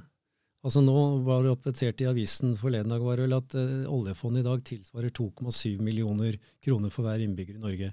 Jeg vet ikke om det tallet stemmer, men la oss si det stemmer, da. Vi har jo mye mer gjeld enn det. Til, øh, Ja, det, det, det skal jeg ikke eh, si for sikkert, men, men poenget er jo at hvis oljepengene da eh, er investert feil, f.eks., eller, eh, eller eh, de er investert i da disse fem hovedvalutaene, og disse valutaene krasjer pga. at Fiat-pengesystemet krasjer, osv., osv., at du får en skikkelig sånn kontrollert demolition av dette, så er det klart det at oljefondet kan jo bli mye mindre. eh, og det kan i teorien bli helt borte. Du vet, Hans Erik, jeg har vært så noen ganger, vet du, så jeg trodde at jeg, jeg tenkte at vi har ikke noe olje. Det er ikke noe oljefond. Og hvis det kommer til det, og når jeg skal titte opp i den sekken, og det endelig skal se oppi der, og det ikke er noe penger der, så kommer jeg til å si at jeg har hatt rett hele tida. Det blir som den filmen med Husker du Bob Hope? Du vet hvem Bob Hope er? Ja, komikeren. komiker, ja, ja. mm. Han spilte, han spilte en kar som hadde sånn håp på brøstet, sånn at han har gått på Harvard. Ja. En gammel film. Mm. Og så fikk han et brev som sa at han hadde arvet eh, bestefaren sin, som var en indianerhøvding ute i Ville Vesten. Ja. Og så dro han ut dit for å hente pengene. Kom kjørende i en sånn gammel T-Ford. ikke sant? Ja. Så sto hele byen og skreik til ham, for han indianerhøvdingen han skyldte jo alle penger. Og så gikk eh, Bob Hopp inn da, for han skulle sjekke hvor mye penger det var. Ja. Så var det ingenting oppi der. Nei. Det var ikke noe der han åpna den greia. Ja, ja. Så han slapp noen gullmynter og klokka si opp, og så gikk han og viste den til de utafor for å roe dem ned. Så ristet han litt på den for at de skulle roe seg ned. ikke sant? Mm. Ja. Kan hende vi ender opp der. Ja, for det, det, jeg har hele tida syntes det er veldig suspekt. Jeg skjønner at uh, ikke ser vi, ikke bruker vi penga her vi, og sånne husk, ting. du, du tok jo opp dette med gull. Norge solgte jo gullet sitt på et eller annet tidspunkt. ja, ja. 2002-2003. Ja, hva et eller annet sånt nå. Altså, Gregar Mikkelborg, som du har hatt her, ja, ja. som driver Gull er penger, han er flink til å lage grafer. Mm. Og han har laget en graf som ikke går lenger tilbake enn 1997. da. Mm. Men den grafen den starter da med en indeks 100. Og så ser han på avkastningen på oljefondet, mm. altså Statens pensjonskasse utlandet, frem til i dag. mhm. Og så ser han på gull. Hvem tror du vinner kampen? Gull. Ja, men alle som vinner, vinner gull. Ja. Altså, olje, hvis, altså, olje, hvis, Det altså, er gull er til vinneren. Oljefondet indeksert opp har altså steget av jeg husker ikke nøyaktig, men si 550. Fra 100 til 550 på disse årene. Mhm. Eh, indeksert fra 100. Mens gull, hadde de- bare puttet alle pengene i gull, så hadde det vært på 930. Så gull har jo da outperformed, eller gjort det vesentlig bedre enn oljefondet. Okay, Så så vi- vi- alle de som styrer med de penga, det er oljefondet alle de bare- der, bare kunne- kaste alle sammen og bare ansatt Gregar? Helt riktig. I 1997 eller før så kunne vi bare sagt at glem det der oljefondgreiene, vi setter alle penga i gull, Ja. og så hadde vi hatt det nesten dobbelt så bra. Og da hadde det vært noe der. Ja. Når vi åpner sekken, for da hadde det vært gull der. Ja, riktig. Og Men nå er jeg vi- ikke sikker på hva det er oppi der engang. Jeg skjønner det, er det jeg lurer på. Dette har vi da ikke gjort. Og eh, så kan man være etterpåklok og være fryktelig kritisk til Ja. det. Men det blir heller ikke riktig, fordi det er logisk at et land som Norge, da, som har stor oljeformue, Mm. oppretter et fond og prøver å forvalte de pengene riktig. Mm. Så er det veldig lett å komme i ettertid og si at du kunne bare gjort sånn. Men det var nå det en gang det var uh, stor, stort flertall for Jeg å skal si det. Ja, jo, så, så det er veldig lett å komme etterpå og si det at fy faen, hvorfor gjorde vi ikke det? Ja, men du skjønner, jeg har ikke fulgt Ja. med, så jeg kommer etterpå. Jeg skal si det Så, der. så du, du, du skal ikke si det at uh, det var feil å opprette oljefond. Du kan ikke si at de har vært dårlige til å, uh, til å forvalte det. Fordi gull viser seg at den har en bedre historie. Da blir det feil. Men det du kanskje kan si, det er at, at vi burde kanskje ha diversifisert litt grann i forhold til det jeg kaller for hard assets. Vi kunne ha kjøpt en forsikringspolise, for eksempel, som jeg kaller det, ved å, å kjøpe gull og sølv, og ha en beholdning av det for, som en sikkerhetspolise for dårlige tider. Fordi historien forteller oss, igjen, dette med kunnskap, den forteller oss at i nedgangstider så er gull og sølv en god forsikringspolise mot uh, det som skjer. Det har en 5000 år lang historie. Så, så hvis Tangen og han, eh, han som var der før han, husker ikke navnet på han, og andre, også, ikke minst våre politikere, da, hadde tatt litt grann hensyn til det når de skrev mandatet til, til oljefondet, så hadde vi kanskje eh, kjøpt litt hard assets også i tillegg. Mm. Ikke sant, gull og sølv. Men jeg sier ikke at det var feil å opprette et oljefond, at det jobber flere tusen mennesker der, og at de investerer oljefondet så godt de kan. Det er ikke det jeg sier, for det, det blir å være for etterpåklok. Vi er ikke et, helt etterpå heller ennå, men vi er eh, Nei, Men de kunne diversifisert litt annerledes, da. mm. Ja, Vi får se hvordan det ser ut når vi skal åpne. Også, for det, det, det her er jo alle, jeg, jeg, alle sier jo det. Vi er stein rike. Dette her er ikke noe problem. Gjør ikke noe om det. Vi har alle de penga. Jo, du vet, det er tredjepartsrisiko. som Ja, ja, ja, jeg skjønner det, at det ser litt mer slunken kan se litt slunken ut til slutt, denne greia, hvis det bare er 2,7 nå. og ja, Det blir eh, spennende å se. Du, jeg er litt, det jeg er litt redd for hvis eh, Så det ordet politikerforakt, vi har jo hatt det ganske lenge. Mm. Og hvis det viser seg at de styrer den der skuta rett i grøfta, mm, da blir det vel et unison tvil om å få bort alt som heter av politikere her i Norge. Og øh, øh, vil disse konsol, konsol, konsolideringsfolka som konsoliderer makt i banksystemet og sånn, de Ja. har jo, eh, vil de ha en overnasjonal altså Vi ser jo det går mot EU og sentralisering av makt og sånne ting. Um, vil de ha bort landegrenser i Europa? Vil de ha bort norske politikere? Vil de konsolidere? Er det, Det, det, det, er det planen? Det, det er ikke jeg i stand til å gi et godt svar på. Nei, men kan vi se konturene av noe sånt? Altså, eh, altså globaliseringen eh, er jo for overnasjonal eh, styring på Mm. ett sted. ikke sant? Da, Mm, da mm. snakker vi George Orwells 1984. Ja, ja. Så hvis, hvis det er det de vil, og det er jo ting som tyder på at de vil det, Mm, så er det et, den type samfunn vi står overfor. mm, Men jeg vil jo tillegge, der, mens vi er inne på dette med bank og penge og oljefondet, så er mm. det klart det at her styres veldig mye fra USA og The Federal Reserve, og så har du Bank of International Settlement som ligger i, Sveits. Mm, Og så styres selvfølgelig noe gjennom eh, de andre sentralbankene. mm. Vi skal huske på i en situasjon eh, hvor den norske valutaen er bitte liten i Mm, mm. verdenssammenheng, Mm, og du har da eh, de store gutta, de sitter i, i New York og i London, eh, vesentlig da i New York. Eh, når de, hvis de styrer mot en eh, kontrollert eh, nedbryting av systemet, Så eh, så, så, så eh, kan man, man kan godt kritisere DNB og Nordea og for andre ting som har skjedd tidligere, at de kanskje ikke burde plassert alle eggene i den kurven der, og kanskje burde gjort litt sånn. mm, Men poenget er at hvis det er en kontrollert uh, nedbryting av dette systemet, så har ikke Norges Bank, DNB og Nordea de har ingen innflytelse på det. Nei. Så du, eh, fra dette punktet nå mm, og til dette eventuelt skjer, mm. så har de ingen skyld.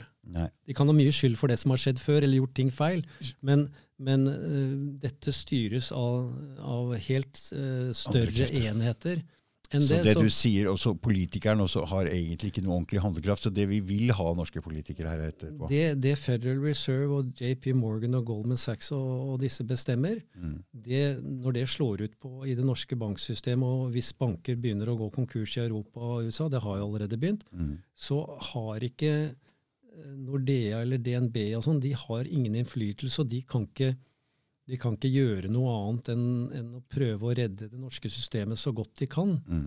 For dette styres utenifra. Så vi skal ikke krangle med hverandre her innad i Norge? Jeg syns ikke det. Jeg, jeg syns at eh, ok, det, gjort er gjort. Mm, mm, Og så får vi på en måte innse det at ok, hvis, hvis det er noen makta som rår, som er et helt annet sted i verden enn her i Norge, hvis de nå kjører dette systemet øh, i, til, til, i grøfta, mm. så, så må vi antagelig Begynne for oss sjøl. Ja, vi, må, vi må gjøre noe annet, men vi, vi, vi, skal ikke nødvendigvis øh, være for øh, slemme og strenge mot hverandre. Mm, Heller ikke DNB og Nordea, kanskje. fordi mm, mm, det som skjer fremover i tid nå, det har ikke de eh, stor innvirkning på, for de er for små. mm. Men, og når vi ser at f.eks. banksystemet styrer mye mer av, av systemet enn det politikerne egentlig gjør i USA, så er det det samme her i Norge. Ikke sant? Det, det er det jeg tror. Så jeg vil ikke rope på 'kast politikerne i Norge' altså, når dette skjer. Jeg vil beholde litt av suvereniteten. Det er lettere å ja, Hvis dette er planen deres. da. Nei, altså, jeg mener jo det at uh, Men vi må få noen smartere folk oppi der. altså, Jeg er jo den oppfatning at politikerne våre ikke vet hva de holder på med. Mm. Og så kan du si, er, er det mangel på kunnskap, eller er det dumskap, eller hva er det for noe? Men jeg, jeg, tror, ikke de er, jeg tror ikke nødvendigvis at de er dumme. Det kan godt hende de har en del kunnskap. eh, Men jeg tror at eh, og jeg, jeg tror ikke folk i utgangspunktet er verken dumme eller onde. Men det er klart at jeg tror at systemer kan gjøre mye med folk. Mm.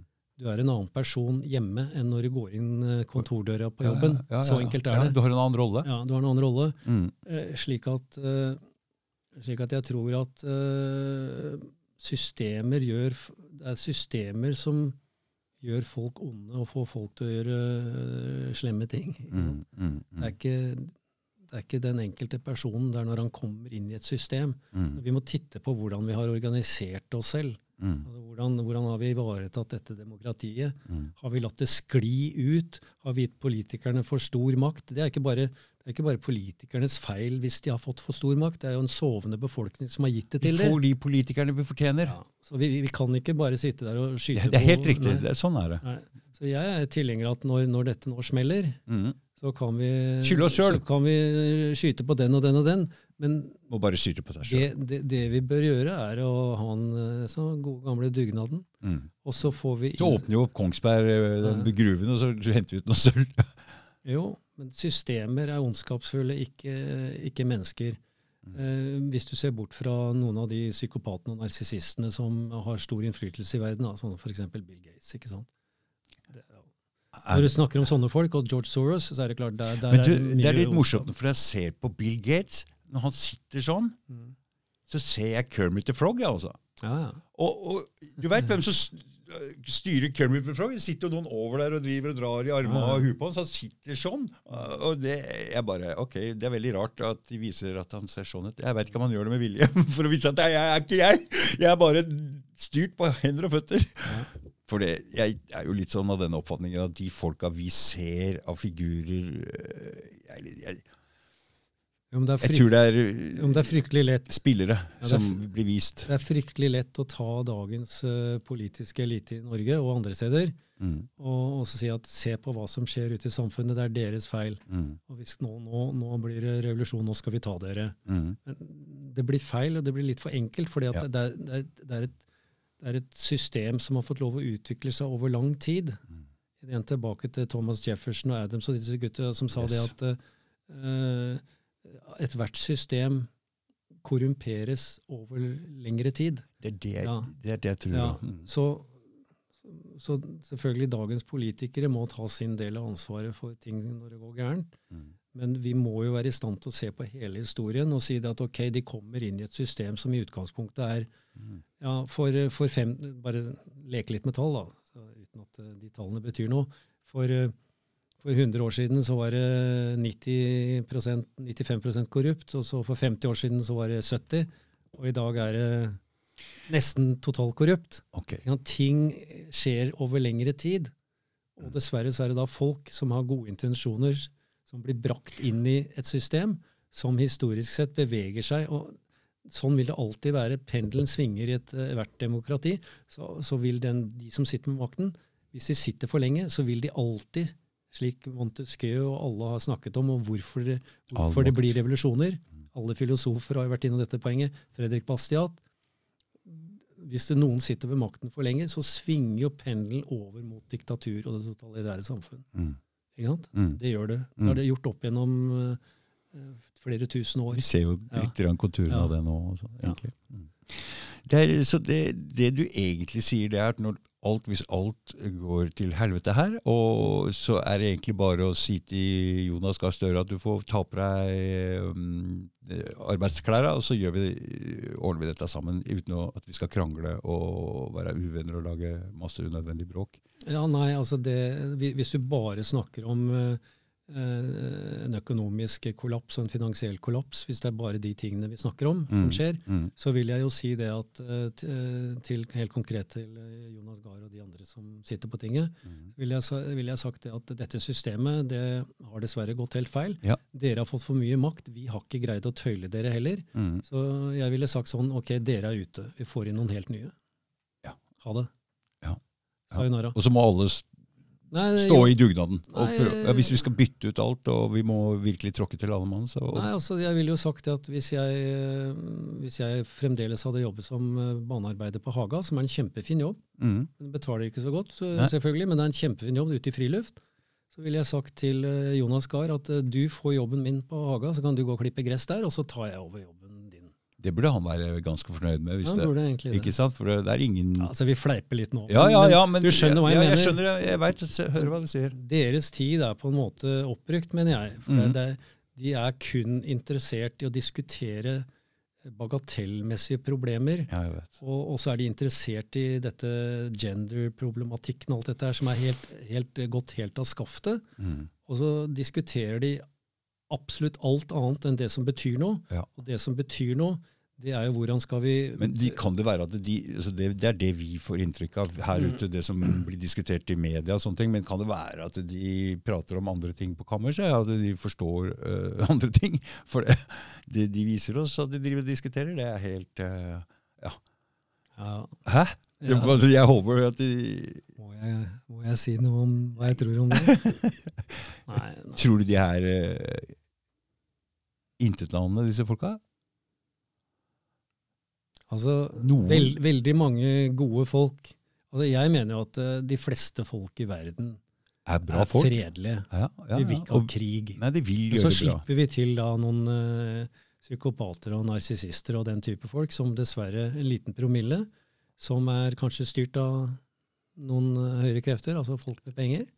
Og så, og så har vi ikke nok ja, checks and balances i systemet til å holde til å holde de på den smale sti. Og da blir det et system igjen som gjør at de sklir over i retning av et mer totalitært samfunn. Ikke sant? Så, så Men, men, men, men la, la for da begynner det høyere makter, så tenkte jeg ok, slemme menn, tenkte du. Men eh, er det en annen sånn åndelig kamp Når vi trekker inn Bibelen og så, disse spådommene, og de advarte mot renter, og fins det noen andre mm, krefter inni bildet? Hvis vi, ok, så dette er litt sånn skjebnetime for menneskeheten. Nå er vi nesten blitt vi er blitt så en enhet, hele verden. Så når det skjer over hele verden, så hvis de klarer å konsolidere en slags makt nå, med alle den overvåking av AI og alle disse tingene som er på plass, så er det, kan det være et sånt skjebnepunkt for hele menneskeheten og dette, denne greia vi står oppi her nå. ja, det tror jeg. Ikke sant? jeg Så, tror, så vi prater egentlig ganske stort. vi er i en helt unik situasjon. eh, Ikke sant? Som eh, det er ganske, jeg kan ikke tenke meg noe annet tid i Nei, for det, nå er verden så en, den er så enhet, og det er så mye kontrollmekanismer på, på plass. Og, så, Ja. så vi står i en sånn være eller ikke være. Hva skal det bli av menneskeheten? Skal vi få lov å utfolde oss, være fri til å Det tror jeg er det absolutt beste. Det er veldig sterke krefter som, ikke, som vil at vi ikke skal være fri. Da. Det er Det er kontrollbehovet kontrollbehovet til noen som ikke stoler på Og det tenker jeg hvis, det, hvis jeg skal forstå deg, så må jeg jo tenke hvordan jeg er sjøl. Og jeg Mm. tror egentlig folk er gode inni seg. Så jeg, har, jeg tror du har de gode intensjonene, for jeg har det sjøl. Mm. Og hvis det er noen som ikke har det, så ja, jeg um... Ja, nei uh, Louis Brandis, uh, som var uh, en av chief supreme justice i USA for mange mange år siden. Han sa det at verden Vi må passe oss, vi må vokte oss vel for folk med veldig gode intensjoner, men med null peiling på hva de holder på med. Mm, Men jeg tenker hvis det er sånn Ja. at de med høyest makt her er såpass onde inni seg, så når de ser på oss, så tror de at alle er så onde, så alle må kontrolleres veldig hardt. Jeg, jeg tror at uh, igjen dette med en glidende overgang, hvis du gir, gir, en, gir en gruppe mennesker uh, mye makt, Mm. og de sitter på den makten over tid, så, så beveger det seg mot det totalitære helt, uh, helt ubevisst, Ja. egentlig. Fordi de, de vil gjerne bruke den makten på å påvirke folk. Ja. Ikke sant? Ja. Og for å påvirke folk, så, må, øh, så påvirker de litt til å begynne med. For å påvirke det litt mer, så må de lage noen lover som gjør at de kan påvirke. Ja. Og til slutt så er du over der hvor loven faktisk da er immoralsk. Altså du har umoralske lover Mm. vedtatt. Og det, dette er det som er farlig, fordi at de fleste vil jo si det at bare fordi at en lov er vedtatt, så er den riktig. Det er, det er jo helt feil. Mm. Altså det, det er mange lover du kunne plukket frem i dag og si at den loven der, den eh, logisk sett så er den umoralsk. Den er Mm. veldig urettferdig, den er skjev, den er direkte ulovlig. Mm. Den er i strid med straffeloven, f.eks. Mm. Men, og, og, da, da har du sklidd over i et, eh, et scenario hvor påvirkningskraften og det at de har fått så sentrert makt, at du faktisk vedtar lover som er udemokratiske, det er i strid med menneskerettighetene, og de er ment for å styre oss. Mm. Og, det, det er, hvis, hvis de lager lover som går imot hva majoriteten av befolkningen eh, mener, så er det på en måte for å tvinge oss til å gjøre noe som vi egentlig ikke er enig i. Dette skaper jo en sterk misnøye i befolkningen. Når du blir tvingt inn til å gjøre sånne ting. Og da blir jo det en slags Og dette er jo en sånn eh, greie som gjør at de merker misnøyen og vil ha enda sterkere kontroll. For jo, hvis misnøye vil jo gå utover eh, de som styrer. Til slutt. Hvis Ja, misnøyen blir større, Ja, ja, sterk nok, ikke sant? Ja, dette var jo det Thomas Jefferson og, og John Adams og, og disse gutta prøvde når de, når de skrev eh, Declaration of Independence og den amerikanske konstitusjonen, så var de opptatt av nettopp det. Og bak dette så lå begrepet, som Thomas Jefferson sa, Eh, makt korrumperer, og total makt korrumperer totalt. Mhm. Og her har du igjen tilbake til den der gliding scalen. Hvis, hvis noen mennesker gir, gis mulighet til å bestemme noe og styre et samfunn, mm. og, og befolkningen stort sett går rundt og er fornøyd med all kreditten som er skapt, så de kan kjøpe seg TV-er og biler og, Ja. og hytter og alt sånt på kreditt, Ja. på krita, og de, da, da gir de på en måte faen da, i, i at denne makta blir sterkere og sterkere, og så, så lages da lover som er, eh, som, som er Kontrollerende. ja, det er det vi kaller for positivisme. Altså Positivisme det er når du, når du sier at en lov er gyldig og riktig bare fordi den er vedtatt av et storting. Ja. Er, altså, det stemmer jo ikke. Nei. Eh, Kan du gi noen eksempler på hva slags lover du tenker? ja, inn, innskrenkning i ytringsfrihet, eh, eh, pe pengepolitikk, pengelovene.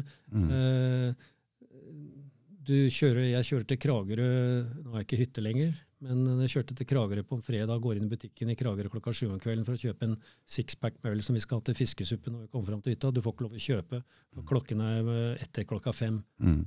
Alle sånne begrensninger i den personlige friheten Mm. for oppegående mennesker som ikke Mm. er blitt umyndiggjort ifølge Ja, norsk lov, ja, ja. det er jo et overtramp. Ja. Alle disse tingene som de gjør. Og som- de gjør det fordi de ikke stoler på oss, på en måte?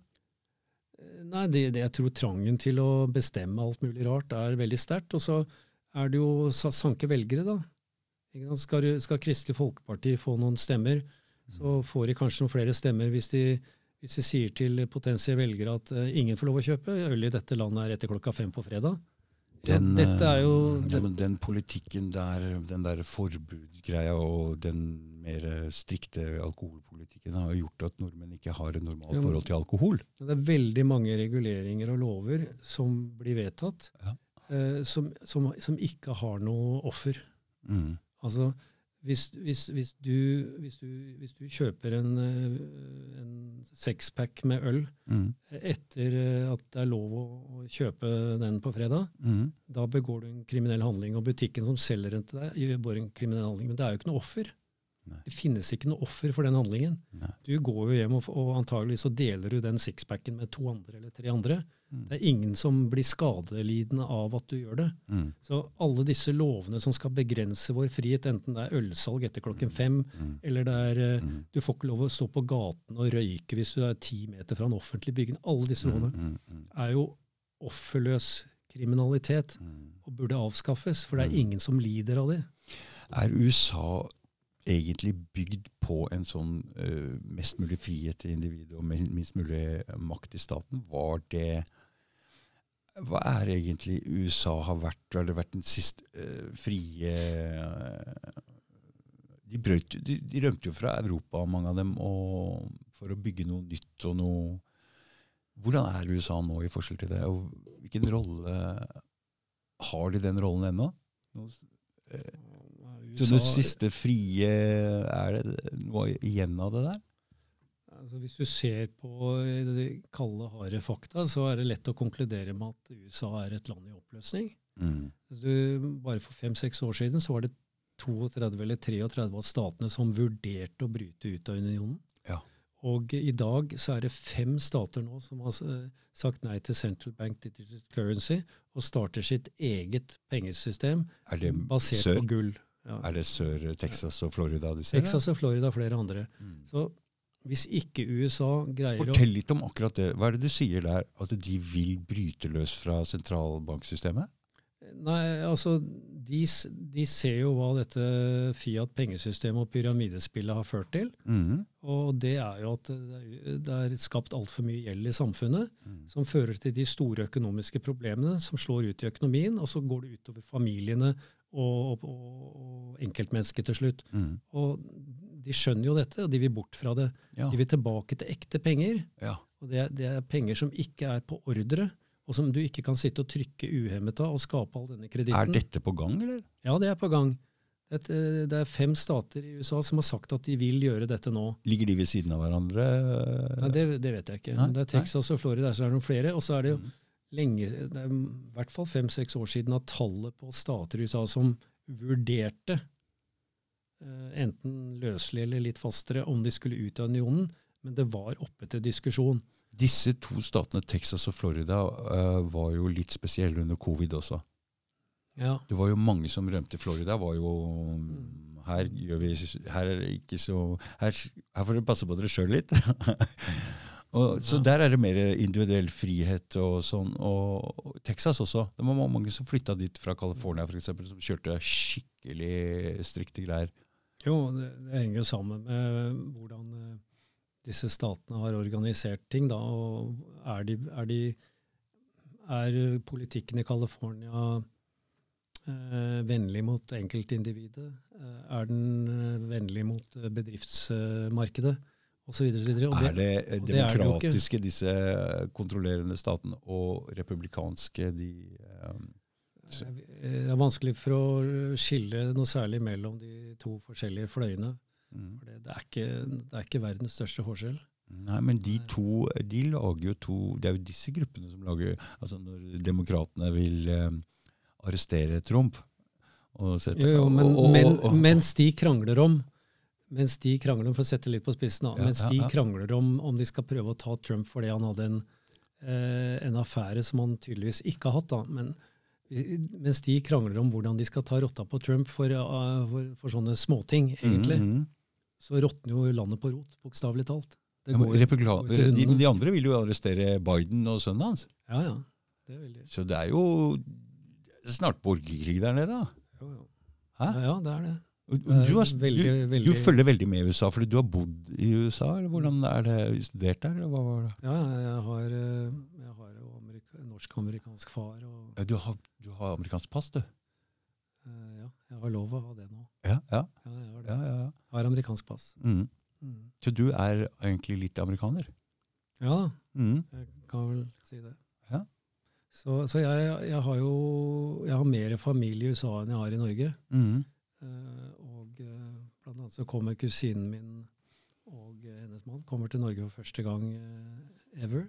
Hva velger du å vise? Å vise? Det blir en rundtur helt opp til Lofoten. det. Ja. Vi skal ned til Flekkefjord og se på døpefontenen som både min farfar ble døpt i, og Susens eh, bestefar, bror til min eh, farfar, ble døpt i Flekkefjord. Det er den samme døpefontenen. Mm. Så vi, vi begynner der, og så, ja, ja, ja. og så drar vi Har du reist eh, rundt sett Norge sjøl? Sånn som det? det, er- det er jo litt flaut å si det, men det, denne, denne turen her Mm. blir jo sånn once in a lifetime-greie for meg også, fordi jeg, ikke har vært, jeg har ikke vært alle disse stedene. Jeg har vært i Geiranger, var der senest i fjor, Ja. men jeg har aldri vært i Lofoten. Ikke heller. Og det blir jo en opplevelse.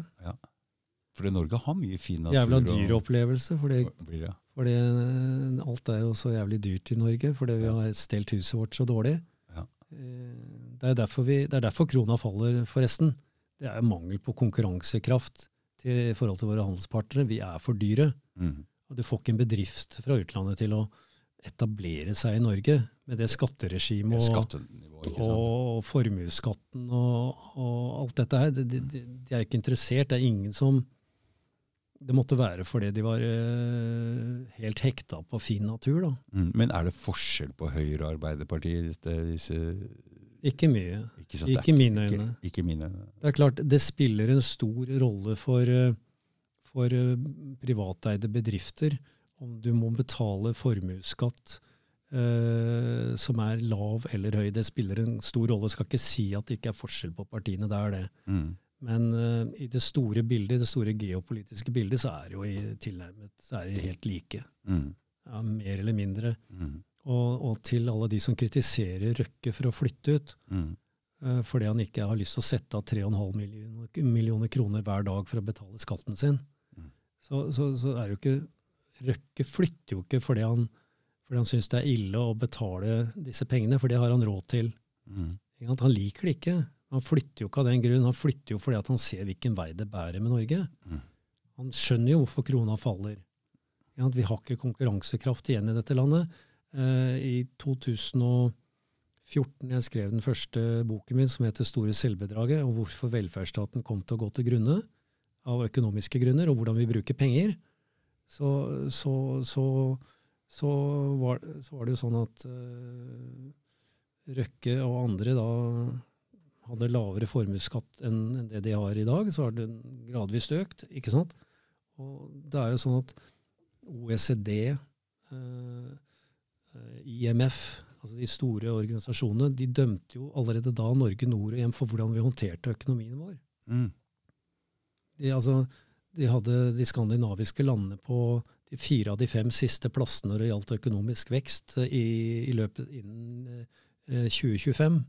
Det er litt rart Nor- at du Norge- sier, for den skandinaviske modellen har jo stått sånn det Her er det så fint, og det er sånn fordelt, midlene blir bra fordelt, og ingen er skikkelig fattige, og ingen Ja, det er en illusjon. Det Det derfor, er jeg, en kal ja. derfor jeg Mm. kalte boken 'Det store selvbedraget'. ja.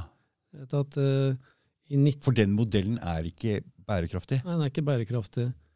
Du kan ikke ha det sånn at uh, når du har betalt skatten din, Mm. så skal du, så skal du dekke med din lønn etter at du har betalt skatten din, så skal, du da dekker dine sosiale goder med skatten din, ikke sant? Mm. så skal skatten din i tillegg betale for tre andre nordmenn.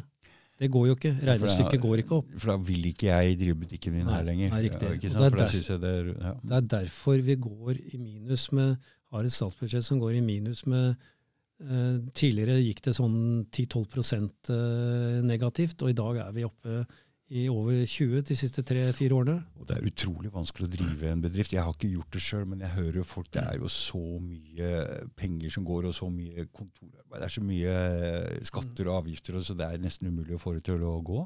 Ja, men du kan jo lure på om agendaen, som jeg tror er ganske klar i USA, og som dreier seg om det som skjedde i 1910 og 1913 med Federal Reserve, og denne konsolideringen som foregår der. Store bedrifter. Altså, Små bedrifter skal bort. Det går jo an å tenke tanken at eh, globalismen ønsker å ta kverken på alle småbedrifter og samle det i et stort korporativ. Ja. Og det store korporativet, det, det tenker jo ikke folk på, for det er jo en sammenblanding av da Stat. off, stat og Mm. privat, store private aktører. Ja. Og hva får du da? Jo, da får du fascisme.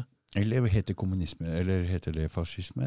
Kjært barn har mange navn. Ikke sant? Fordi eh, jeg satt og så noe som The Century of the Self, og noe greier med Bernet og Freud, og hvordan de lurte folk. Og da var det sånn konkurranse mellom var det privat kapital, eller var det staten som skulle ha makta her.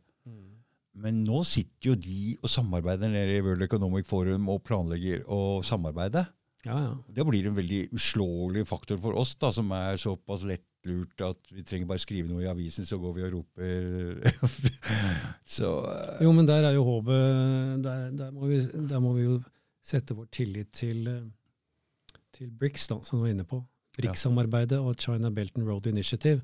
ja. Fordi eh, Jeg husker ikke tallene nøyaktig, men hvis vi slår sammen Europa og USA, mm. så representerer vi rundt 19-20 av verdens befolkning. Mm -hmm. uh, Og BRICS er et økonomisk samarbeid med Økonomisk samarbeid, og, eh, og nå er det nå er det, altså BRICS er utvidet. Det er mange land som nå søker medlemskap i BRICS, eh, bl.a. Saudi-Arabia. og Da snakker vi om da at Saudi-Arabia på en måte hiver petrodollaren på båten. For dette, dette kan, Vi kan ikke avslutte denne podkasten uten å gå innom den faktoren der som er på vei til å skje. Det er jo der redningen vår ligger.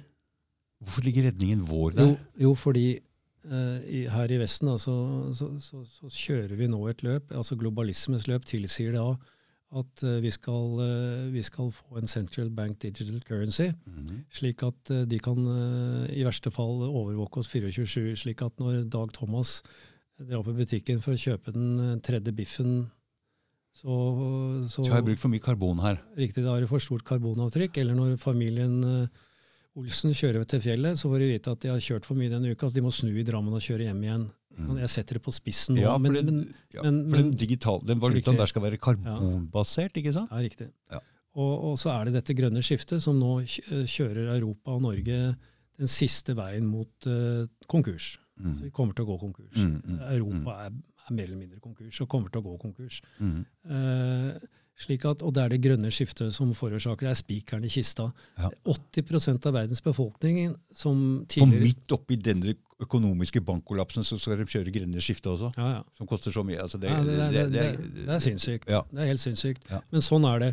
Og så har du da 80 av verdens befolkning, altså land som representerer 80 av verdens befolkning, som sier eh, nei, dette gidder ikke vi være med på. Og hvorfor vil de ikke være med på det? Mange av de har vært utsatt for kolonisering og imperialisme i tidligere tider, Yes. de er ikke interessert i å fortsette å være under neglen på Vesten. Men sånn, ja, Så en, sånn en arrogant Vesten som skal fortelle dem hvordan de skal leve livene sine, de er drittlei det. Ja. Nå ser de sjansen sin til sammen å bryte ut av dette. mm. Og, og, Og Russland starta egentlig det med å sette ned foten i Syria litt og vise at de hadde litt grann ja, kraft. det gjorde de. Det var liksom sånn, ok, så det er en annen maktfaktor som tør å gjøre noe.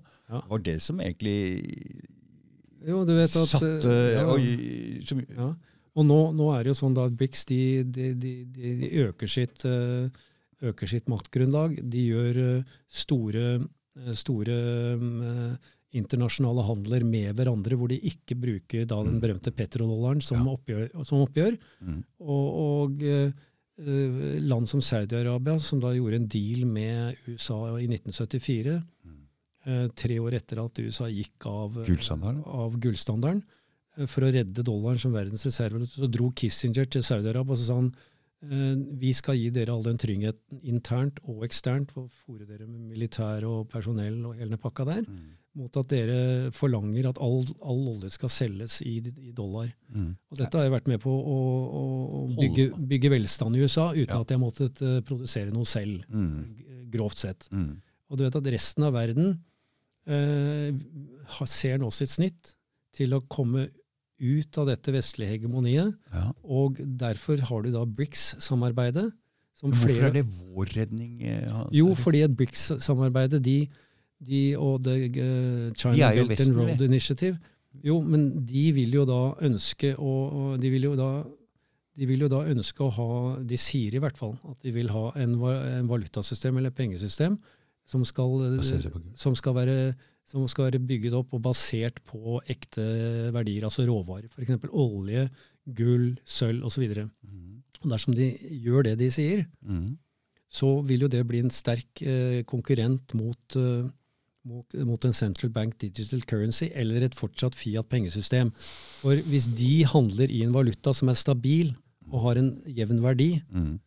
fordi de gjør dette, Ja. og så kommer vi med dollarene eller euroene våre, som er et Fiat-pengesystem, enten det er central bank digital currency eller ikke, som hele tiden mister sin kjøpekraft gjennom inflasjon fordi vi driver og trykker mer og mer av det, Mm. så kan det jo hende de sier vi vil ikke ha den valutaen deres lenger, for den faller i verdi. Mm. Så snur de skipene sine ut i Stillehavet eller i Pacific, og så kjører de tilbake og sier betal oss med ordentlige penger.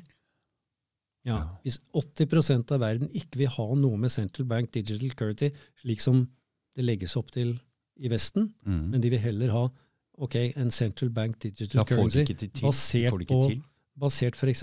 på gull og sølv, og styres gjennom f.eks. Shanghai Corporation eller, eller andre, eh, at, og det er bundet opp med yuan eller andre ting, og, og, og gull eller andre råvarer, så er det klart at de har en mye sterkere og bedre valuta enn et Fiat-pengesystem, som er et pyramidespill. Mm. Og da, hvordan i all verden skal vi konkurrere med noe som er ekte, med ting som er falske og uekte, som vi bare trykker opp? Mm. Så da vil, da vil vi, selv om vi greier å innføre et central bank digital currency, så, så greier vi jo ikke å overleve. For vi, vil- vi vil ikke greie å konkurrere med de som har et system som ikke er falskt, Mm. men som er ekte, som baserer seg på ekte penger. Okay. Og der, deri ligger redningen vår fra denne globalismen. Og der ligger, redningen hvis det grønne skiftet skal kjøres gjennom. mm. Resten av verden vil ikke ha noe med det å gjøre. Men vi står jo altså, så, men, um, Hvis ingen vil ha denne dollaren som det flyter over av nå i utlandet, og ingen vil ha bruken lenger, hvor skal den havne ned i, tilbake til USA, stakkars? Ja, altså, Hva skal de med den dollaren der? ja, altså, mange snakker om at nå er det slutt på dollaren. Og, Ja, ja, Altså, ja, ja. Det er ikke så enkelt. Nei. Altså, Dollaren har vært verdens reservevaluta i så mange år. Ja. Det er masse land i verden som har dollarlån, som de må låne mer dollar. De har dollarlån. Ja, Hva, hva betyr det? ja, de, har lånt, eh, de, de har lån som er nominert i dollar. Ok. Altså, mange land i verden har det.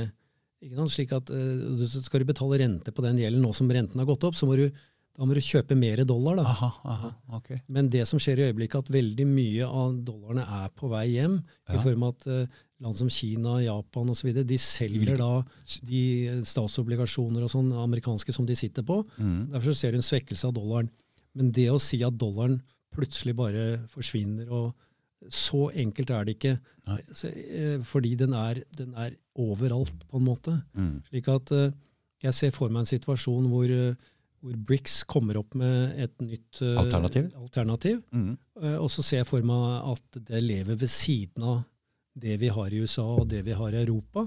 Ja. Uh, hvor lenge det lever ved siden av hverandre, og hvem som vinner den kampen til slutt, det er jeg ganske sikker på. Får noen av vestlige landene lov å begynne å bruke BRICS-greier? Er det en avtale de må skrive under på med greiene der, eller er det fritt? Altså, jeg, jeg tror jo det at hvis Olaf Schultz, som har vært i Kina og snakket med uh, Xi Jinping, eller hva han heter for noe eh, Hvis eh, tyskerne kommer og sier at eh, du, nå er vi drittlei av å være en vasalstat av USA, eh, som vi har vært siden annen verdenskrig det har de vært. Ja, det har de vært. Eh, spør du tyskerne, så sier de at de har vært det. Ja, det, jeg Det kan er ikke, ikke jeg forstå, sier det, nei, jeg kan ikke Men- forstå det på noen Men, måte. men så, så hvis, de, hvis Tyskland, eller for den saks skyld Norge, går og sier til BRICS-alliansen og eh, China Belt and Road eh, Initiative og sier at vi vil gjerne gjøre det samme som dere, Mhm. så tror jeg vi blir tatt imot med åpne armer. Men, men kan man bruke, altså må man lage en avtale om å bare bruke BRICS-greiene? Kan man ikke handle i begge deler, eller er det Dette systemet er jo ikke bestemt ennå, så vi, Nei, vi, vi nei, vet ikke Nei, hvordan dette vil se ut. Det jeg vet er at det skal være en konferanse i St. Petersburg nå i begynnelsen av juni, mm. hvor det er 81 land så langt som skal delta. Så mange land kommer til Russland, altså? Ja, for å diskutere Jeg trodde ikke var lov, jeg trodde Nei, for, Russland for, for å diskutere erstatningen for petrodollaren, blant annet. Ja. Så det, det, det, det, Dette står ikke mye om i norske aviser, eller? nei, det, nei, for det, slår jo hull i Central Bank Digital Currency. Slår litt hull i den agendaen om at Russland er eh, helt ute Ingen vil ha Nei, nei, noe nei. mer å gjøre. Altså, Russland har flere venner i verden enn det Norge har. Men vi, vi blir jo ikke fortalt det, selvfølgelig. Nei. Altså, eh, For å ta det der med Central Bank Digital Currency, Ja. så, var det jo, så ble det jo laget en offisiell video nå i Canada. Mm. eh, hvor eh, sentralmakten gjennom da sentralbanken gikk ut og fridde til publikum, altså den canadiske befolkning, hvor de sa vi vurderer å sette i gang Central Bank Digital Currency, ja. og det det vil gjøre Vi skal selvfølgelig ha kontanter som lever ved siden av, og dette er jo for å passe på dere, og det er ikke noe farlig. Og, Ja, hva er forskjellen fra det andre systemet de har? med Veldig den? liten, egentlig. Mm. Rent bortsett fra at du får totalkontroll da, når alt er elektronisk. Du ikke har cash heller. Mm. Da styrer de Men kontoen. Du sa du skulle få ha litt cash ved siden av. Ja, men de fjerner det etter hvert. vet du. Ja. Det er bare sånn for å bringe det inn langsomt. Men, ja, Ja, så, men du vet at det var en veldig sånn ja, Det var en sånn slags markedsføring at dette var bra. Mm. Og så gikk de da, gjorde de den tabben da, at de gikk ut og spurte canadierne hva de mente om det. Mhm. Og det var på Twitter eller et annet sted, jeg er ikke sikker på. Mm. Men eh, dommen fra canadierne var jo ensidig. Det var eh, Er det lov å banne her? ja, du har juris da også. Fuck you, var det. Ja, Det er ikke banning. Nei. Men de vil ikke ha dette, vet du. Nei. Nei. Så folk er i ferd med å våkne opp til dette Ja. falske pengesystemet. De vil ikke ha noe mer av det. Mm. Og de vil ikke ha de vil ikke engang, Totalkontroll. altså de vil ikke engang risikere at det blir totalkontroll. Mm. Så de sier nei til det. Ja. og Det er de, kjempefint. Tidligere har flere land i Afrika også sagt nei til dette. De har prøvd det. De har, de har prøvd om å, å gi, gi folket gratispenger, men de vil ikke ha det. Men hva er den store forskjellen på sånn som Hvis jeg bruker kredittkortet mitt, så blir det jo registrert alt jeg kjøper eh, allikevel. Ja, Kredittkortet ditt er jo Liksom, ja, men jeg tenker, Hva er forskjellen på den central bank at det der eh, ingenting. Bortsett, bortsett fra at hvis de tar bort all cashen, Ja. og de kan kontrollere Det skjønner jeg. Da blir det jo helt Da blir det Ja, mhm. altså, Kredittkort er digital money. Ja. Hva er det central bank digital currency er? Eller, eh, ja, Det samme. det er samme. Mm. Kredittkortet ditt en av disse canadierne som skrev inn og sa det at hva faen skal jeg med enda en elektronisk eh, pengeenhet, digital valuta? Jeg har jo Mastercard og Visacard og alt mulig annet. Ja, ja, ja. Hvorfor kommer dere med dette? ja. Ja. Det er ikke noe Det er ikke, noe, det er ikke store forskjellen på det. Den store forskjellen Er det sentralisert det er at det blir sentralisert. Mm. Uh, at de kan trykke så mye penger de vil uten å gå konk. Mm. Og at de utvanner uh, kjøpekraften vår gjennom inflasjon. Blir, blir de andre bankene borte? Da blir det bare én sentral bank, og de andre kundeforholdene uh, trengs ikke lenger? Hvordan, hvordan, hvordan fungerer det? Jeg tror jo at det har vært planen siden 1910. Og hvis du skal Ja, tro på ja. folk som G. Edward Griffin, Ja. så, og, og mange andre, så er det det som stemmer. Mm. Sånn at jeg tror ikke på det, men jeg tror på det jeg har lest om det Mm. nok. Og når jeg ser hva de holder på om dagen, så tror jeg det er planen. Mm. Planen er å konsolidere bankmarkedet, helst ned til to, tre, fire banker som kontrollerer det meste. Mm. Eh, kanskje er det så ille at det tar bort banksystemet helt, og så blir alt sammen kjørt som en central bank digital currency gjennom The Fed og, og noen andre sentralbanker. men, men, men, men jeg har en sånn rar greie. Altså, så, um, ta Trump og det Biden-greiene for å ta USA igjen. Så når Biden eh, gjorde sånn at eh, startet konflikten eller i, i Ukraina Eller la oss ikke spissa den, da. Sånn at det ble en konflikt eh, med Russland. Sånn at Russland ble boikotta, ikke fikk lov å handle, de stjal dollaren. Så, så presser de jo Russland mot Kina. Og det må de jo ha skjønt hva som egentlig vil skje. At de blir nødt til å si at vi kan ikke handle i dollar lenger, da, hvis dere stjeler dollaren vår. Jeg husker jo da Russland sa vi kan Ja, ikke nei, altså hvis de, det, de må betale i rubler, og vi, folk her var liksom Nei, vi skal ikke betale i rubler. Nei, altså, folk som Asle Toyasson i Nobelkomiteen sitter og klapper i hendene fordi at eh, vi boikotter Russland og tar de av Swift-betalingsstandarden. Ja, men de måtte jo skjønne at det, vi, så fryser vi kontoene til både oligarkene og eh, statlige russiske midler i utlandet. Ja. Da kan du jo ikke, da kan du jo ikke skylde på russerne hvis russerne sier ok, dere vil ha gassen vår og dere vil ha oljen vår, men dere fryser kontoene våre i utlandet og, og, og, så- og så videre. Det tar oss av Swift-systemet. Det betyr jo at dere vil ha alt sammen gratis. det. Ja. det kan, vi kan ikke gjøre det. Nei, men så det, det må de jo ha skjønt, at de, at de må jo ha visst om dette her. Ja, hvem er det som sitter Hva er det som skjer? Hvor, hvor, liksom, hva, er, hva er greia der? Og for, og så sier Trump Han vil jo splitte de to. Han sa jo China virus og China ditten, og så prøvde han jo å bli venn med Putin, men da fikk han jo den Russia-gaten slengt midt i trynet, så han kunne jo ikke det. Det gikk jo ikke. Så han ville jo splitte de to. Ja, her er det helt umulig å si Skjønner, hva, hva er greia her? Er det de, er Biden den som prøver å få i gang BRICS-systemet, og Trump den som altså Er det motsatt av det? Jeg fatter ikke Altså, no, det, Noen må jo skjønne hva de driver med her. ja. Jo da. Det, nei, nei, sånn, eh, hvis vi ikke skal ned i kaninhullet, da, Ja. så tror jeg at eh, på overflaten Mm. så dreier dette her seg eh, kampen om eh, hvilket pengesystem vi skal ha. Mm. Og da inkluderer jeg det som skjer i krigen i Ukraina, for det er det, er det som til slutt ligger bak. Det er, ikke sant, som, eh, som eh, Rothschild eh, sa for, mange, ja, for flere hundre år siden. Han sa I, I care not who, who, Ja. who, who rules the great the empire where the sun never sets, hvor solen aldri går ned, for de hadde alle kolonimaktene. Ja. The one who controls the money supply, eh, controls the country. Mm.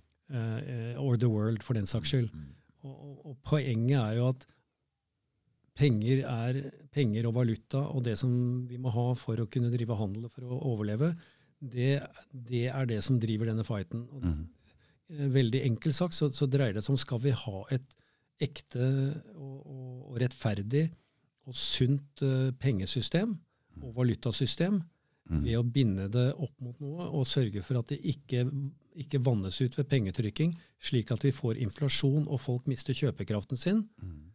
Skal vi ha et ekte pengesystem, eller skal vi fortsette med det samme, som til slutt utarmer befolkningen og fører til den situasjonen vi er i i dag, hvor folk ikke får endene til å møtes lenger? Det er det fighten står om. Ok, så du, du holder med Kina og du håper på BRICS-greiene der, men så så jeg nå at eh, Kina Du kunne jo kjøpe noen sånne der central bank-greie penger fra Kina nå. Og den var veldig Jeg kunne tjene masse penger og greier. Jeg vet ikke om det var reklame eller hva det var. Men, jeg, men så ser vi dette social credit score-systemet i Kina. Ja. Og hvis de planlegger en sånn eh, central bank-greie, pengesystem, og et sånt credit score da begynner jeg å bli litt skeptisk til det der, altså. ja, selvfølgelig. ikke sant? Selvfølgelig gjør det det. ja, men Jo, men Uff. vi må jo vente da og se hvordan dette BRICS-samarbeidet og China Belt and Road Ja, da eh, venter vi. hvordan, hvordan det utvikler seg. Fordi Ja. eh, her snakker vi om ok, Foreløpig så gjør de bare internasjonal handel seg imellom, hvor de blir enige om at det skal bindes opp f.eks. det skal gjøres i yuan, Mm. og så skal det være, skal være noen gullstandard eller noen Ja, ja. råvarer som backer det opp. Mm. Og, og hva blir til slutt uh, hva blir til slutt løsningen? Blir det at uh, det er mange forskjellige valutaer i de forskjellige landene, Mm. og at uh, de, de forskjellige landene som da har, som kjører det, som har dette nye systemet, binder det opp mot den råvaren som de har, f.eks. Mm. Eller om det bindes opp, alt sammen bindes opp mot gull, Mm. og i hvilken, hvilken form blir dette? Mm. Slik at det er veldig alarmerende selvfølgelig å se på Kina og dette med social credit score, Yes. for det er, det er jo det vi, det er det vi ikke vil ha. det er det vi ikke vil ha, ikke sant? Sånn, men, det, men der er fremdeles juryen ute på gangen da, Mm. for å se hva er det det blir til til slutt. Mm. Ja. Mm. Da og, det kan, venter vi. og, og det kan jo godt hende du får et system hvor, hvor du får en valuta som er eh, bundet opp mot råvarer og komparative fordeler i råvarer mellom alle disse landene, Mm. og at Kina, uavhengig av hvordan dette systemet blir, kan kjøre en Sin social egen. credit score. Ja, ja, ja. Ikke sant? ja. Mm. dette, dette er det for tidlig å si noe om, Mm. eh, rent bortsett fra at ikke tro på alt du hører om hvor forferdelig det er i Kina. Jeg tror litt på det jeg hører av deg, da. Jeg vet ikke.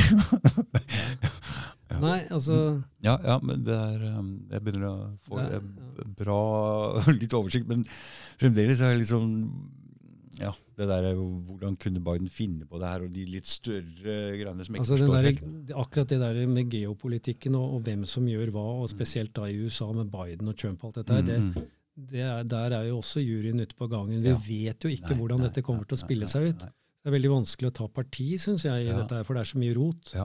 Og det er så mye som skjer. Mm. Eh, Så jeg, jeg syns jo at eh, den unisone fordømmelsen av alt eh, som har med Trump å gjøre, og den glorifiseringen av Biden, begge deler er feil. Mm. Ja. Mm. Det er det. Så vi, vi Til kan vi sette oss et annet sted enn på gangen? Kan vi sette oss litt høyere, sånn at vi ser litt bedre, kanskje?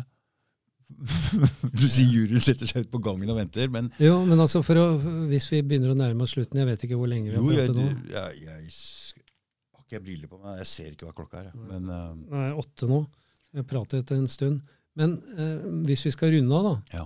eh, med mindre du har noe, Nei, nei, nei. eh, og noe mer vi skal prate om, så, så tror jeg tilbake til utgangspunktet, på en måte. da. Mm. Vi er nødt til å, å bringe kunnskap eh, opp på banen. Folk må være nysgjerrige, Mm. og folk må stille seg spørsmålet hvorfor. Og det blir stadig vanskeligere i et samfunn som er så opptatt av sosiale medier. Men hvis vi skal forstå noe av disse tingene, så må vi være villige til å bruke litt tid på å sette oss inn i det. Mm. Og også innse at uh, kunnskap er noe som forandrer seg over tid. Mm. Så vi må, være, vi må være villige til å forandre standpunkt. ikke sant? Du- Vi må være villige til å høre på andre, og ytringsfriheten er sånn sett viktig. Mm. Og så er det, så er det en ting som er ekstremt viktig. da. Jeg suger jo ikke disse tingene i eget bryst, det er fordi jeg leser ting. Mm. Så folk må jo ikke Folk må jo la være å eh, sette meg på huggestabben, eller deg. De får jo gå ut og finne ut av dette på egen hånd, Mm. og så får de ta sine egne beslutninger om hvor, hvor hører jeg hjemme i dette bildet. Mm.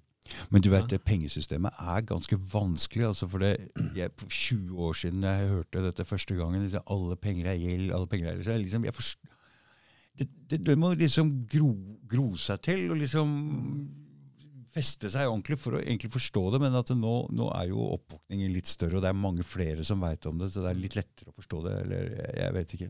Når, eh, når inflasjonen nå har slått ut, så slår den ut fordi vi har trykket for mye penger. det er enkelt å forstå. Ja, det er enkelt å forstå. Og inflasjon er det samme som tapt kjøpekraft. Mm. Det forstår folk. Mm. Og hvis de da forstår det at det er et pyramidespill, fordi Mm. de pengene som utstedes, der har du, ikke, der har du ennå ikke utstedt renteelementet, Mm. slik at det kan bare vokse. Det er en veldig enkel forklaring på hva Mm. som skjer, Mm. og hva som fører til gjeld.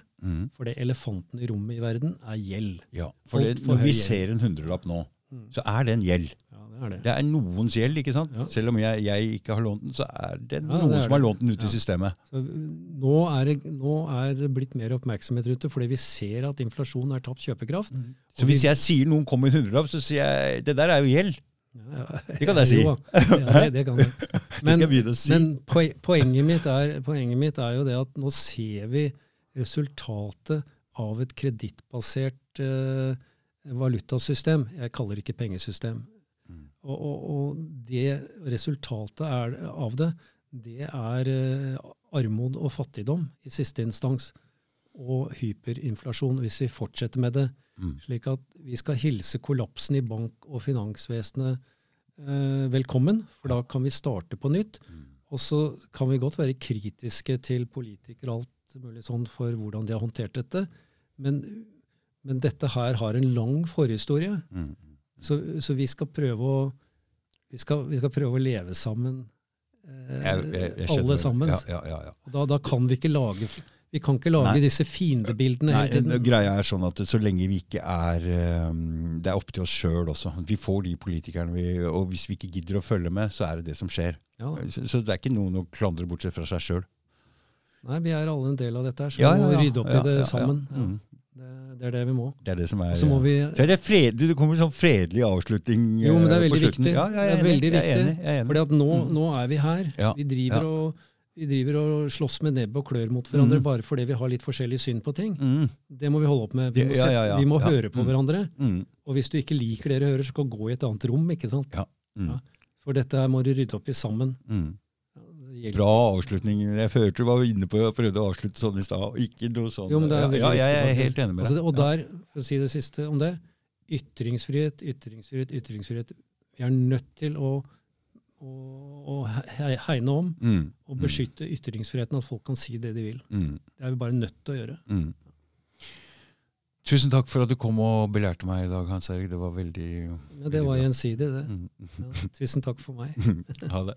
Ha det.